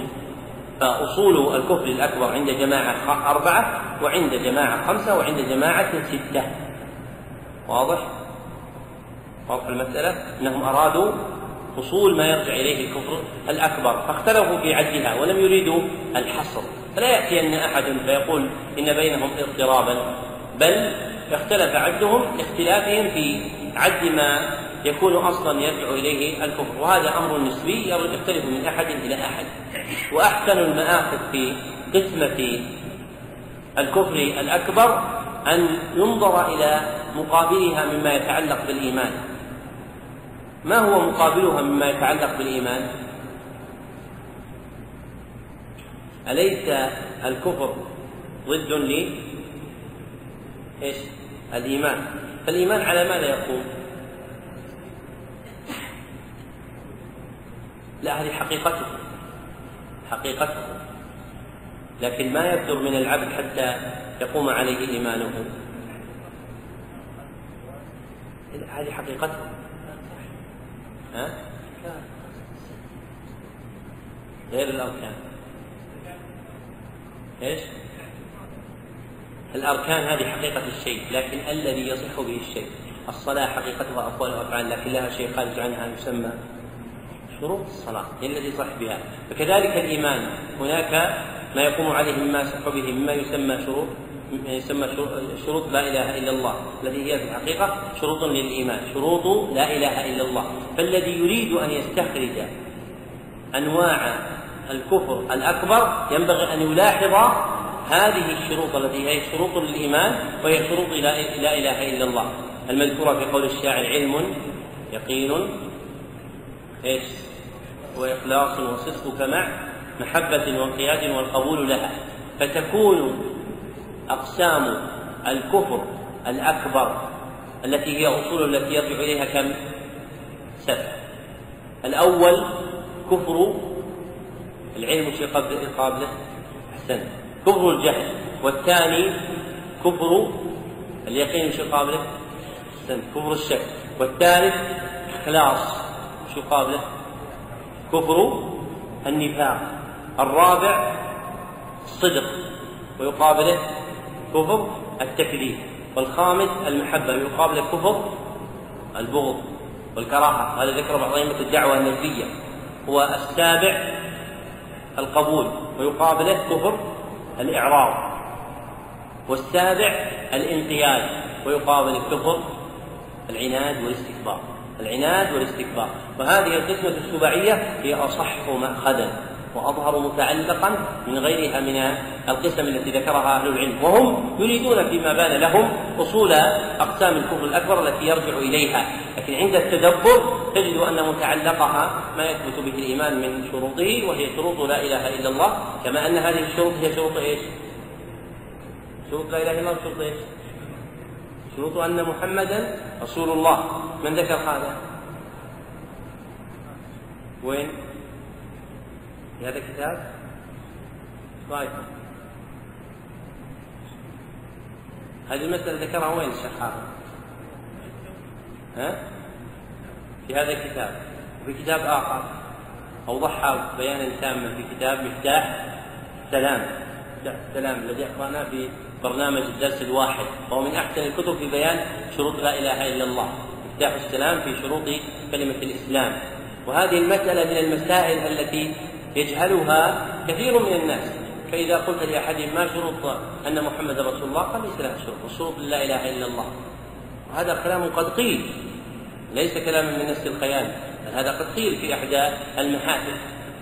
وأهل العلم نصوا ومنهم الشيخ حافظ على أن شروط لا إله إلا الله هو شروط أن محمد رسول الله. فتكون هي شروط الإيمان ويكون مخرج الكفر الأكبر في أقسام العظمى من هذا من هذه الشروط كما بيناه وهي مسألة عزيزة من مسائل الإيمان والكفر مما تضعف العناية به حتى وقع الناس في جهل وغلط في الكلام في أصوله وفروعه. ثم أورد المصنف أسئلة أربعة تتعلق ببيان الأنواع الأربعة التي عدها فأورد السؤال الأول فقال ما هو كفر الجهل والتكذيب؟ ثم أجاب عنه هو ما كان ظاهرا وباطنا كغالب الكفار من قريش. والمذكور هو المراد ما تعلق بنفي العلم أو نفي الصدق لأن الجهل يقابله العلم والتكذيب يقابله التصديق أو الصدق. وأورد المصنف رحمه الله تعالى آيات تدل على حدوث الكفر به كما قال تعالى الذين كذبوا بالكتاب وبما أرسلنا به. وقال في الآية الأخيرة بل كذبوا بما لم يحيطوا بعلمه. وهذا كفر الجهل. ثم أورد السؤال الثاني وهو قوله ما هو كفر الجحود والمراد به كفر الإعراض ومرجعه إلى عدم القبول كما قال المصنف ما هو ما كان بكتمان الحق وعدم الانقياد له ظاهرا مع العلم به ومعرفته باطنا وهذه العبارة لا يكون بها الوضوح لا سيما مع قوله رحمه الله في كفر العناد هو ما كان بعدم الانقياد للحق مع الإقرار به فذكر الانقياد في المسألتين والصحيح أن كفر الجحود هو عدم القبول وكفر العناد والاستكبار هو عدم الانقياد. أن كفر الجحود هو عدم القبول وكفر العناد والاستكبار هو عدم الانقياد. والفرق بين القبول والانقياد بيناه في شرح مفتاح السلام وهذا الكتاب والإيضاح عليه مهم جدا. لا بد أن يستحضره الطالب عدة مرات بسماعه فبينا الفرق بينهما. ثم ذكر من كفر الجحود كفر فرعون وقومه وكفر اليهود بمحمد صلى الله عليه وسلم. فإنهم كانوا يعرفونه يعرفون الحق ولكنهم أعرضوا عنه. ثم ذكر السؤال الثالث من هذه الأسئلة أربعة وهو كفر العناد والاستكبار ثم بينه بأنه ما كان بعدم الانقياد عن الإقرار به وذكرنا أن الانقياد هو متعلق هذا الباب. فكفر العناد والاستكبار هو عدم الانقياد ككفر ككفر إبليس الذي أبى واستكبر. إلى آخر ما قال رحمه الله تعالى. ثم أول السؤال الأخير فقال ما هو كفر النفاق؟ ثم بين أنه ما كان بعدم التصديق قلبه وعمله مع الانقياد ظاهرا رئاء للناس وهذا كما سبق هو عدم الإخلاص. فكفر النفاق هو عدم الإخلاص. قال ككفر ابن سلول وحزبه والذين قال الله تعالى فيهم ومن الناس من يقول آمنا بالله وباليوم الآخر وما هم بمؤمنين. إلى آخر ما ذكر الله سبحانه وتعالى عن أحوال المنافقين. نعم.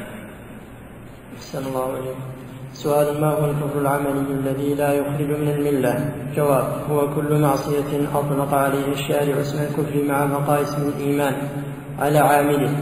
كقول النبي صلى الله عليه وسلم لا ترجعوا بعدي كفارا يضرب بعضكم رقاب بعض. وقوله صلى الله عليه وسلم سباب المسلم فسوق وقتاله كفر.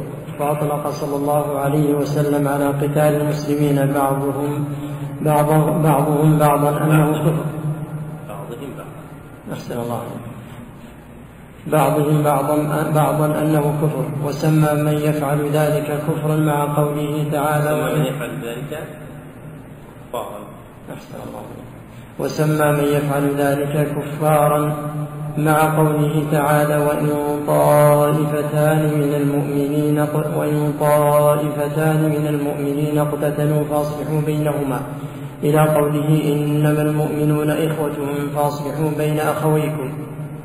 أثبت الله تعالى لهم الإيمان وأخوة الإيمان ولم ينف عنهم شيئا من ذلك. وقال تعالى في آية القصاص فمن عفي له من أخيه شيء فاتباع بالمعروف وأداء إليه بإحسان فأثبت تعالى له قوة الإسلام. ولم ينفي عنها ولم ينفي ولم ينفها عنه قال النبي صلى الله عليه وسلم لا يزني الزاني حين يزني وهو مؤمن ولا يسرق حين يسرق وهو مؤمن ولا يشرب الخمر حين يشربها وهو مؤمن. والتوبة معروضة بعد. زاد في رواية ولا يقتل وهو مؤمن وفي رواية ولا ينتهب نهبة ذات, ذات شرف يرفع الناس إليه فيها أبصارهم. الحديث في الصحيحين مع حديث أبي ذر فيهما أيضا. قال صلى الله عليه وسلم ما من عبد قال لا إله إلا الله ثم مات على ذلك إلا دخل الجنة. قلت وإن زنى وإن سرق. قال وإن زنى وإن سرق ثلاثة. ثم قال الرابعة على رغم أنف أبي ذر فهذا يدل على أنه لم ينف عن الزاني والسارق والشارب والقاتل مطلق الإيمان بالكلية مع التوحيد فإنه لو أراد ذلك لم يخبر بأن من مات على لا إله إلا الله دخل الجنة وإن فعل تلك المعاصي فلن يدخل الجنة إلا نفس مؤمنة إنما أراد بذلك نقص الإيمان ونفي, ونفي كماله. وإنما يكفر العبد بتلك المعاصي مع استحلاله إياها المستلزم لتكذيب الكتاب والرسول في تحريمها بل يكفر باعتقاد حلها وإن لم يفعلها. والله سبحانه وتعالى أعلم. لما فرغ المصنف رحمه الله تعالى من بيان أقسام الكفر الأكبر الاعتقادي دعه بسؤال يتعلق ببيان الكفر الأصغر وهو العملي الذي لا يخرج من الملة ثم أجاب عنه بقوله هو كل معصية أطلق عليها الشارع اسم الكفر مع بقاء اسم الإيمان على عامله. كقول النبي صلى الله عليه وسلم لا ترجعوا بعد كفار يضرب بعضكم رقاب بعض وقوله في الحديث اخر وكلاهما في الصحيح وقتاله كفر فاطلق صلى الله عليه وسلم على قتال المسلمين بعضهم بعضا أنه كفر وسمى من يفعل ذلك كفارا ثم أورد الدالة الآية الدالة على ذلك. وهذا الحد الذي ذكره المصنف رحمه الله تعالى للكفر العملي هو على وجه التقريب. أما على وجه التحقيق فإن الكفر العملي هو ستر كمال الإيمان.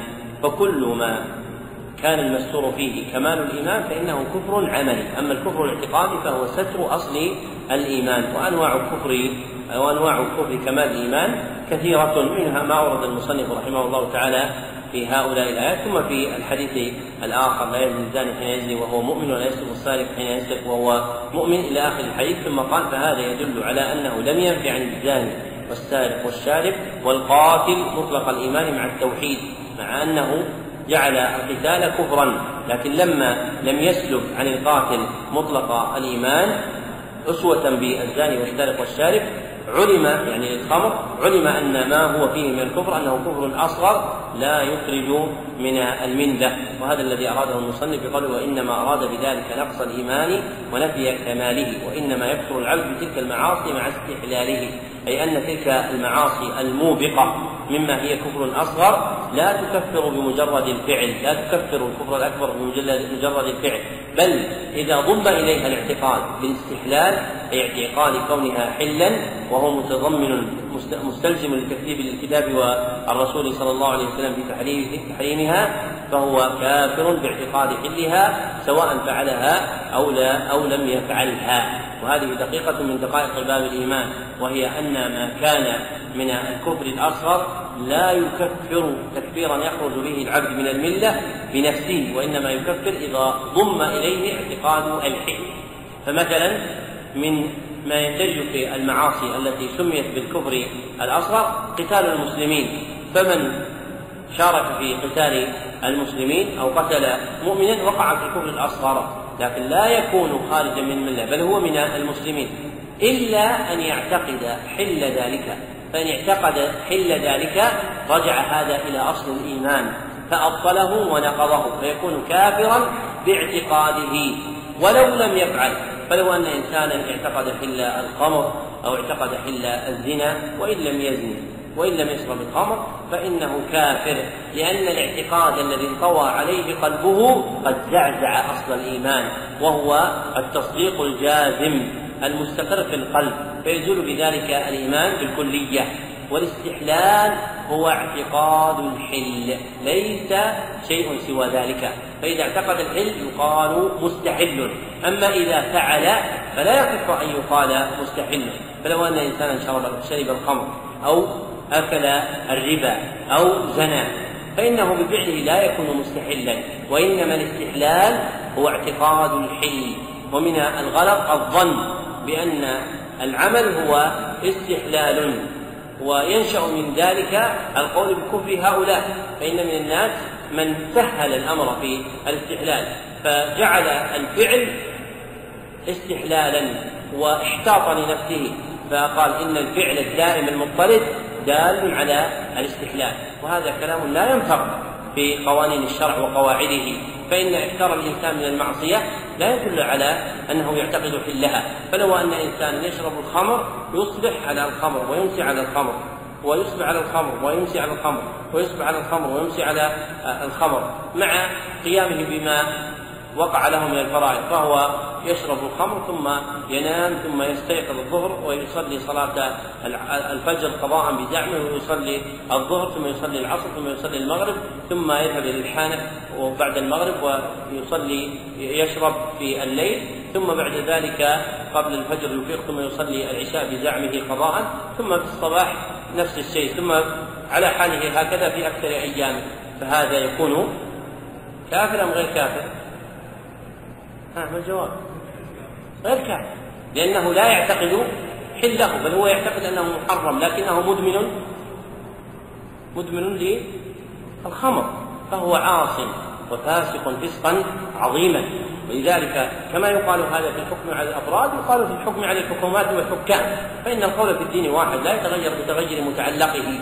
فإدمان الحكومات المنسوبة إلى الإسلام هداهم الله. ما يخالف شرع الله لا يكون كفرا بنفسه لكن إن اعتقدوا حله فهو كفر. فإذا فتحوا البنوك أو الملاهي التي يكون فيها الخمر والزنا وغير ذلك هذا لا يكون كفرا بالفعل وإنما بالاعتقاد. إذا اعتقدوا حلها وأنها مورد من الموارد الاقتصادية والسياحية هذا كفر أكبر مخرج عن الملة وإن زعموا أنهم مسلمين.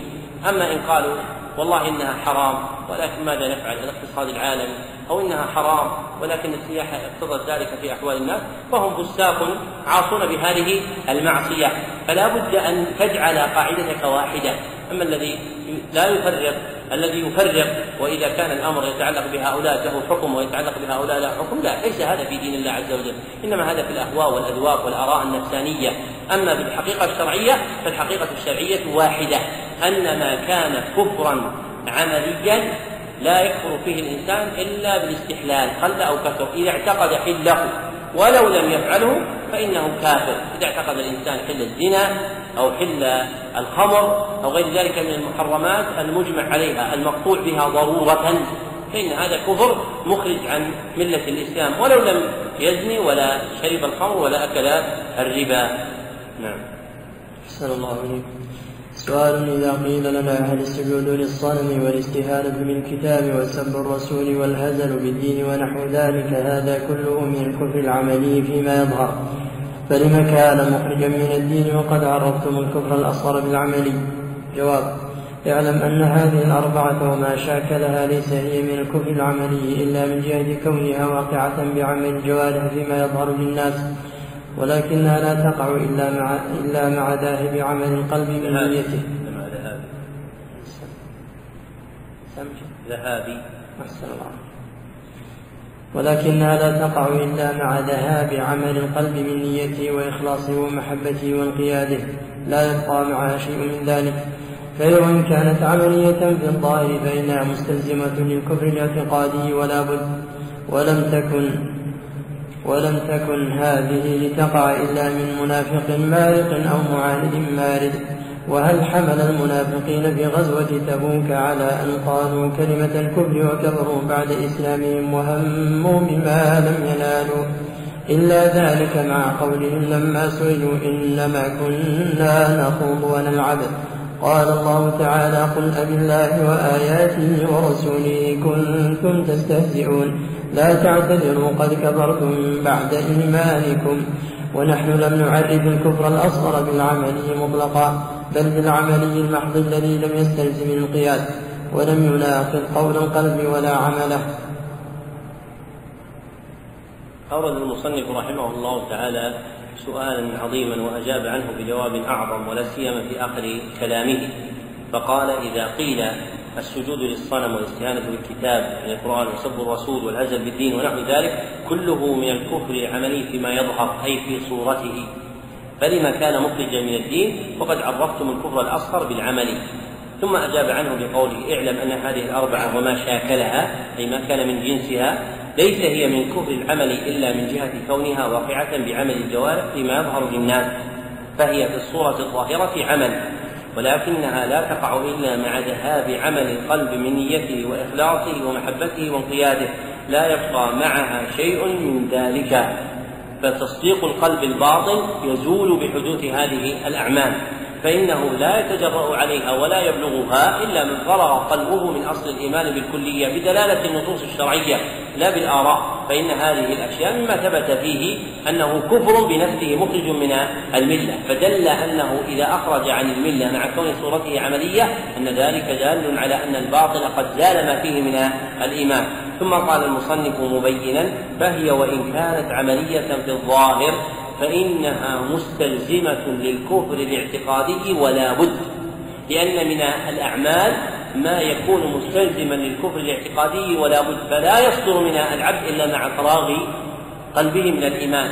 وهذه هي الأعمال التي ورد النص بزوال الإيمان معها بالكلية مع كونها أعمالا ظاهرة. هذا ضابطها. هي الأعمال التي ورد النص هي الأعمال التي ورد النص بزوال الإيمان معها مع كونها عملية. فهذه يعلم أنها في الصورة عملية لكنها في الباطن مما اقترن بزوال أصل الإيمان بالكلية. كسب ربنا سبحانه وتعالى أو سب الرسول صلى الله عليه وسلم أو الاستهزاء بالله أو بآياته أو برسوله. فهذه أشياء عملية. دل القرآن على أنها مخرجة لأصحابها من الإيمان. فيقال حينئذ إن هؤلاء ما وقع منهم من كفر في صورته الظاهرة عمليا فإنه مستلزم للكفر الاعتقادي ولا بد. ثم قال المصنف ولم تكن هذه لتقع إلا من منافق مارق أو معاند مارد. ويعلم بهذا أن الكفر أن الأعمال الكفرية الظاهرة نوعان. أن الأعمال الكفرية الظاهرة نوعان. أحدهما ما يدل بصورته على زوال الاعتقاد الباطن. ما يدل بصورته على زوال الاعتقاد الباطن. مثل إيش؟ مثل سب ربنا سبحانه وتعالى أو سب الرسول صلى الله عليه وسلم أو رمي القرآن في القاذورات أو الاستهزاء بالله أو بآياته أو برسوله. والثاني ما لا يستلزم ذلك. ما لا يستلزم ذلك. ما لا يستلزم زوال الاعتقاد الباطن. ما لا يستلزم زوال الاعتقاد الباطن. مثل إيش؟ مثل إيش؟ من الأعمال الكفرية الظاهرة. الأعمال الكفرية الظاهرة. كقتال كقتال المسلمين. هذا لا لا يستلزم زوال الباطل كقتال المسلمين. أما السجود للصنم من الأول أم من الثاني؟ من الأول وليس من الثاني لأنه لا يصدر السجود لغير الله عز وجل تعبدا إلا من قلب قد فرغ من أصل الإيمان إلا من قلب قد فرغ من أصل الإيمان. فأعمال الكفر ينظر فيها إلى ما تقترن به من الدلالة. والمنظور فيه في ذلك إلى النصوص الشرعية التي دلت على هذا أو ذاك. فإن النصوص الشرعية دلت على أن ما كان من ذلك الجنس كسب الله أو سب رسوله صلى الله عليه وسلم أو السجود لغير الله تعبدا أنه كفر أكبر مخرج من الملة مستلزم لزوال التصديق الباطل. وأما الأعمال التي جاءت بظاهرها مما سمي باسم الكفر ك كقتال المسلمين أو غير ذلك من أعمال الكفر فإنها لا يزول معها زوال الباطل. ومن الأعمال ما يتنازعها هذا ويتنازعها هذا ويحتاج فيها إلى نية تبين مقصود العبد هل هو ذو عقيدة يزول بها أصل الإيمان أم ليس ذا عقيدة يزول بها أصل الإيمان؟ ثم قال المصنف رحمه الله تعالى بعد أن ذكر ما وقع في غزوة تبوك قال كلاما عظيما قال ونحن يعني أهل السنة لم نعرف الكفر الأصغر بالعملي مطلقا. لا نريد عند ذكر الكفر العملي أن نقول الكفر العملي مطلقا يعني أي كفر عملي. لا وإنما المقصود كفر عملي مخصوص. قال بل بالعمل المحض الذي لم يستلزم الاعتقاد ولم يناقض قول القلب ولا عمله قول القلب ولا عمله. فما كان من هذا الجنس فهو كفر أصغر. فيكون الكفر الأصغر هو الكفر العملي المحض. هذا هو الكفر الأصغر. الكفر العملي المحض ويقصد بتمحيضه يعني تخليطه الذي لا يستلزم الاعتقاد ولا يناقض قول القلب أو عمله. أما الكفر العملي مطلقا فقد يكون أكبر وقد يكون أصغر.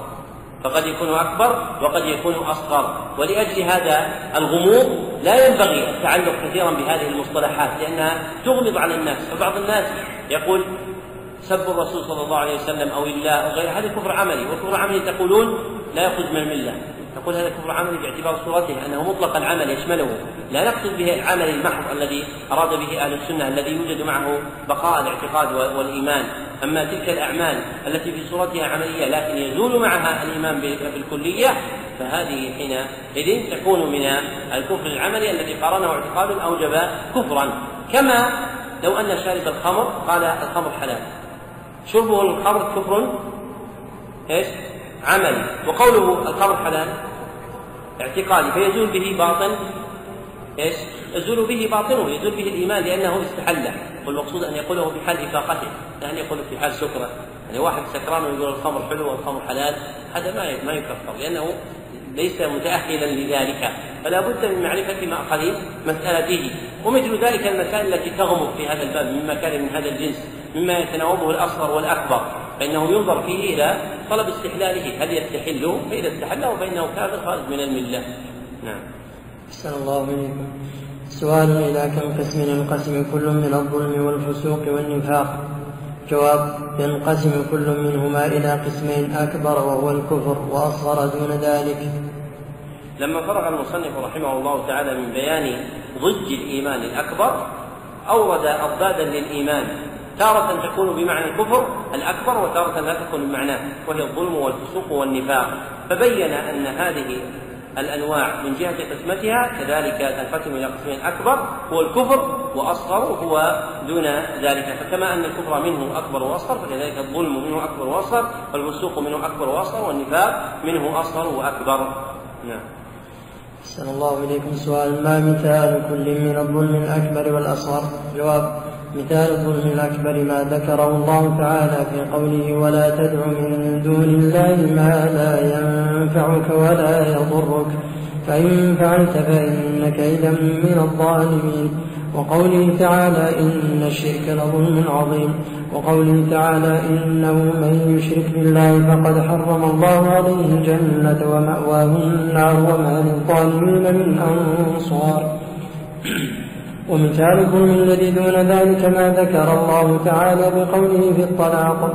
واتقوا واتقوا الله ربكم لا تخرجوهن من بيوتهن, من بيوتهن ولا يخرجن إلا أن يأتين بفاحشة مبينة. وتلك حدود الله. ومن يتعد حدود الله فقد ظلم نفسه. وقوله تعالى ولا تمسكوهن ضرارا لتعتدوا. ومن يفعل ذلك فقد ظلم نفسه. سؤال ما مثال كل من الفسوق الأكبر والأصغر؟ جواب مثال الفسوق الأكبر ما ذكره الله تعالى بقوله إن المنافقين هم الفاسقون وقوله تعالى إلا إبليس إلا إبليس كان من الجن ففسق عن أمر ربه وقوله تعالى ونجيناه من القرية من القرية التي كانت تعمل الخبائث إنهم كانوا قوم سوء فاسقين. ومثال الفسوق الذي دون ذلك قوله تعالى في القذفة ولا تقبلوا لهم شهادة أبدا وأولئك هم الفاسقون. وقوله تعالى يا أيها الذين آمنوا إن جاءكم فاسق بنبأ فتبينوا أن تصيبوا قوما بجهالة فتصبحوا على ما فعلتم نادمين. روي أنها نزلت في الوليد بن عقبة. سؤال ما مثال كل من النفاق الأكبر والأصغر؟ جواب مثال النفاق الأكبر ما قدمنا ذكره في الآيات من صدر البقرة وقوله تعالى إن المنافقين يخادعون الله وهو خادعهم. إلى قوله إن المنافقين في الدرك الأسفل من النار ولن تجد لهم نصيرا. الآيات.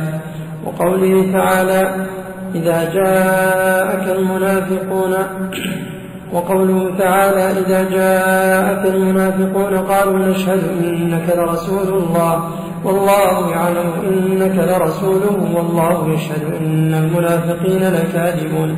وغير ذلك من الآيات.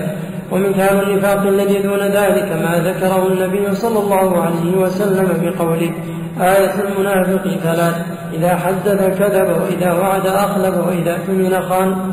وحديث أربع من كن فيه كان منافقا. الحديث. لما بين المصنف رحمه الله تعالى في السؤال المتقدم أن الظلم والفسوق والنفاق تقسم إلى قسمين أكبر وأصغر أسوة بالكفر أورد ثلاثة أسئلة تتضمن بيان مثال لكل واحد من هذه الأنواع الثلاثة.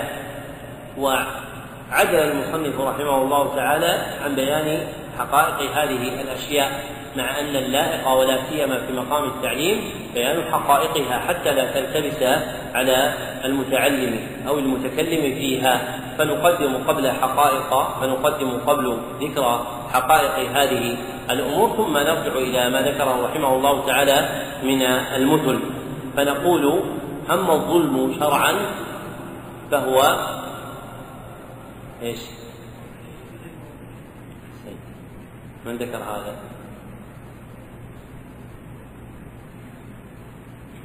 طيب لو قال واحد التصرف بالشيء التصرف في ملك الغير ما الجواب؟ طيب أنت قرأت فيها شيء ولا هذا حافظ من قبل ذكرناه؟ هي أحسنت. لأن هذه مسألة ترى كبيرة جدا وفيها رسائل مصنف لأنه ينشأ منها مقالات المعتزلة وغيرهم في أبواب الاعتقاد. هذه المسألة وهي حقيقة الظلم مسألة كبيرة ومن أحسن من أفاض في الكلام عليها ببيان طريقة أهل السنة والرد على المخالفين أبو العباس بن تيمية الحفيد في شرح حديث أبي ذر الغفاري يا عبادي إني حرمت الظلم على نفسي وهي رسالة مبردة نافعة. وقول أهل السنة في بيان حقيقة الظلم أن الظلم شرعا هو وضع الشيء في غير موضعه وضع الشيء في غير موضعه وهو كما ذكر المصنف وغيره ينقسم إلى نوعين أحدهما الظلم الأكبر والثاني الظلم الأصغر فالظلم الأكبر إيش؟ شو يصير ضابطه؟ وضع الشيء في غير موضعه مما يتعلق بأصل الإيمان. وضع الشيء في غير موضعه مما يتعلق بأصل الإيمان. ويكون الظلم الأصغر. وضع الشيء في غير موضعه مما يتعلق بكمال الإيمان. وذكر المصنف رحمه الله تعالى مثال الظلم الأول قوله تعالى ولا تدع من دون الله ما لا ينفعك ولا يضرك فإن فعلت فإنك إذا من الظالمين. هذا ظلم أكبر. وهو مخرج من الملة يتعلق بأصل الإيمان ومن الثاني ما ذكره الله سبحانه وتعالى في الطلاق في عدة سور مما يجري من الرجال على النساء. فإنه ظلم أصغر لأنه وضع الشيء في غير موضعه مما يتعلق كمال الإيمان لأن عدل الرجل مع زوجه من كمال الإيمان ومن شعب الإيمان.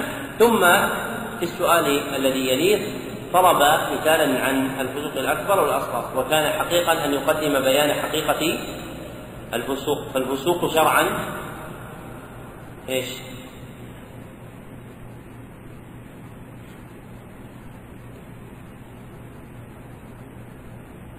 إيش الفسوق شرعا؟ ها خروج عن طاعة الله من وين جبت هذا؟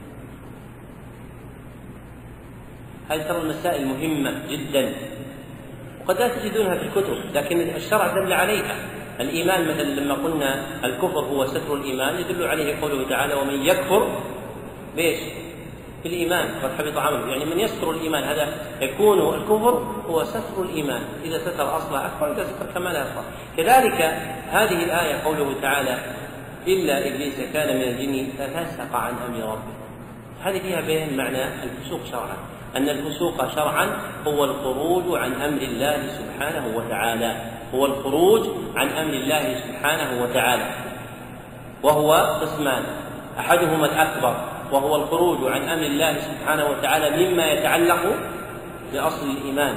والثاني الأصغر. وهو الخروج عن أمر الله تعالى مما يتعلق بكمال الإيمان. ثم أورد المصنف رحمه الله تعالى مثالا على الأول كقوله تعالى إلا إبليس كان من الجن ففسق عن أمر ربه وأورد من المثال الثاني قوله تعالى ولا تقبل لهم شهادة أبدا في حق القذفة الذين يقذفون أحدا في عرضه وكذلك في الآية الثانية إن جاءكم فاسق بنبأ فتبينوا ثم قال المصنف روي أنها نزلت في الوليد بن عقبة يعني أن الآية السابقة نزلت في الوليد بن عقبة وقوله روي إشارة إلى إلى ضعفها إلى ضعفها. وسبق أن ذكرنا لكم في هذه الآية فائدة جليلة جدا. هذه الآية لماذا؟ وغير المجموع ذكرنا نقل الإجماع من أبي موسى المديني الحافظ رحمه الله تعالى. وهذا فرق بين المحدث الكامل وبين المحدث الذي يتعلق بجمع الطرق فقط. لأن هذا أن هذه القصة رويت بأسانيد ضعيفة أو واهية. لكن أصلها ثابت لانعقاد الإجماع عند المفسرين أنها نزلت في وليد بن عقبة. نقله أبو موسى المديني الحافظ. فيدل ذلك على ثبوت أصل القصة. وأما تفاصيلها التي وردت فلم يثبت منها شيء. فالسلامة ان يقال رويت في نزلت في الوليد بن عقبة كما ثبت ذلك بالإجماع. وأما تفاصيل القصة التي رويت فإنه لا يثبت منها شيء. ثم بعد ذلك أورد السؤال الأخير وهو طلب مثال على النفاق الأكبر والأصغر فأورد مثالا على كل ولكنه لم يبين حقيقة النفاق الأكبر والأصغر.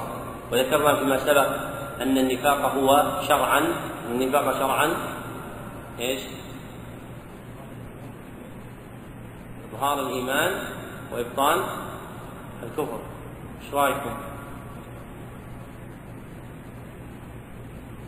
توافقون ولا تخالفون؟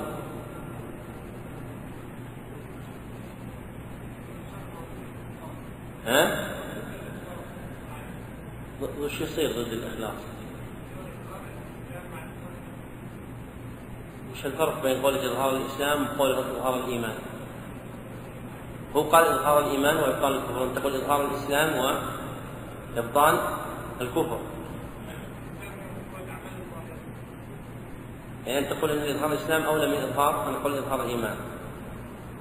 نحن هذا بحثنا فيه يا إخوان فيما سبق. الله سبحانه وتعالى نفى عن ناقص الإيمان الإيمان. فقال للأعراب لا تقولوا آمنا ولكن قولوا أسلمنا. فأليس المنافقون أولى بنفيه عنهم وجعله الإسلام دون الإيمان؟ الأولى أن يعبر كما قال الأخ إيش؟ إظهار الإسلام وإبطان الكفر. إظهار الإسلام وإبطال الكفر. لأن المنافق لا يظهر الإيمان الإيمان مرتبة عالية. إذا كان ناقص الإيمان لم يصل إليها من الأعراف. كيف يصل إليها هذا المنافق؟ وإنما إظهار الإسلام وإبطال الكفر لكن أهل العلم سهلوا في التعبير بقولهم إظهار الإيمان مع أنهم لا يريدون الإيمان وإنما يريدون الإسلام متابعة لما جاء في كتاب الله عز وجل من دعواهم. متابعة لمن جاء بكتاب الله سبحانه وتعالى من دعواهم.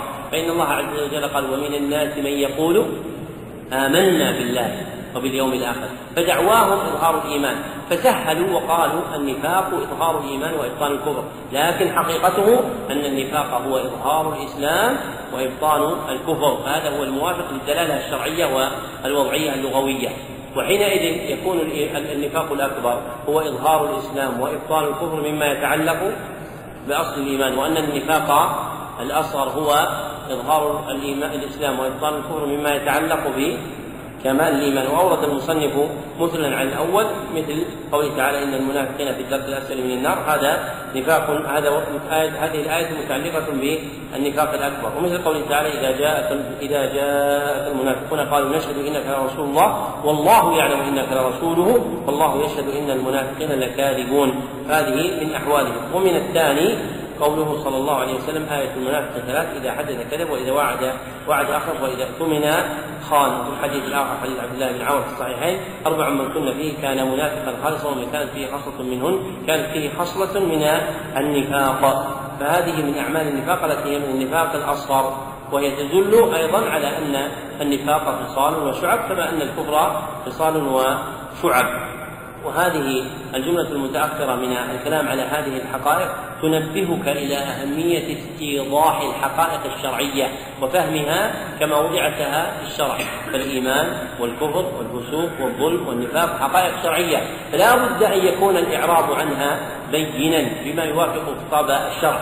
أما الكلام العائم فإنه يولد المتعلم الهائم الكلام العائم يولد المتعلم الهائم فتجد من الناس من يتكلم عن الإيمان أو عن الكفر أو النفاق لكن لا يضع حدودا.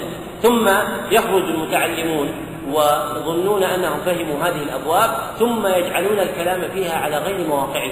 فيجعلون شيئا من الأكبر في الأصغر وشيئا من الأصغر في الأكبر، لكن اتضاح الحقائق الشرعية يجعل ذلك بينا واضحا، وكان هذا عند الأوائل واضحا جليا.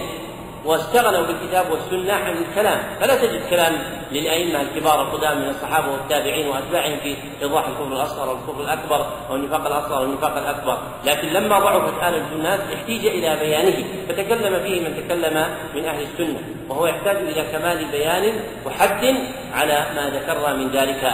وكم يطوف الإنسان بالتأليف المصنفه في كتب الاعتقاد عند المتأخرين ليخرج بحقيقة شيء من هذه الحقائق ثم لا يجد لأن الناس شغلوا بالظواهر وتطويل الكلام عن استبيان الحقائق. ومما يدل على ذلك مسألة ستأتينا إن شاء الله تعالى في الدرس المقبل وهي بيان حقيقة العين. وأنا أقول لكم من الآن ابحثوا ما هو تعريف العين. نحن كثير نسمع حديث العين حق وفلان فيه عين. ما معنى العين؟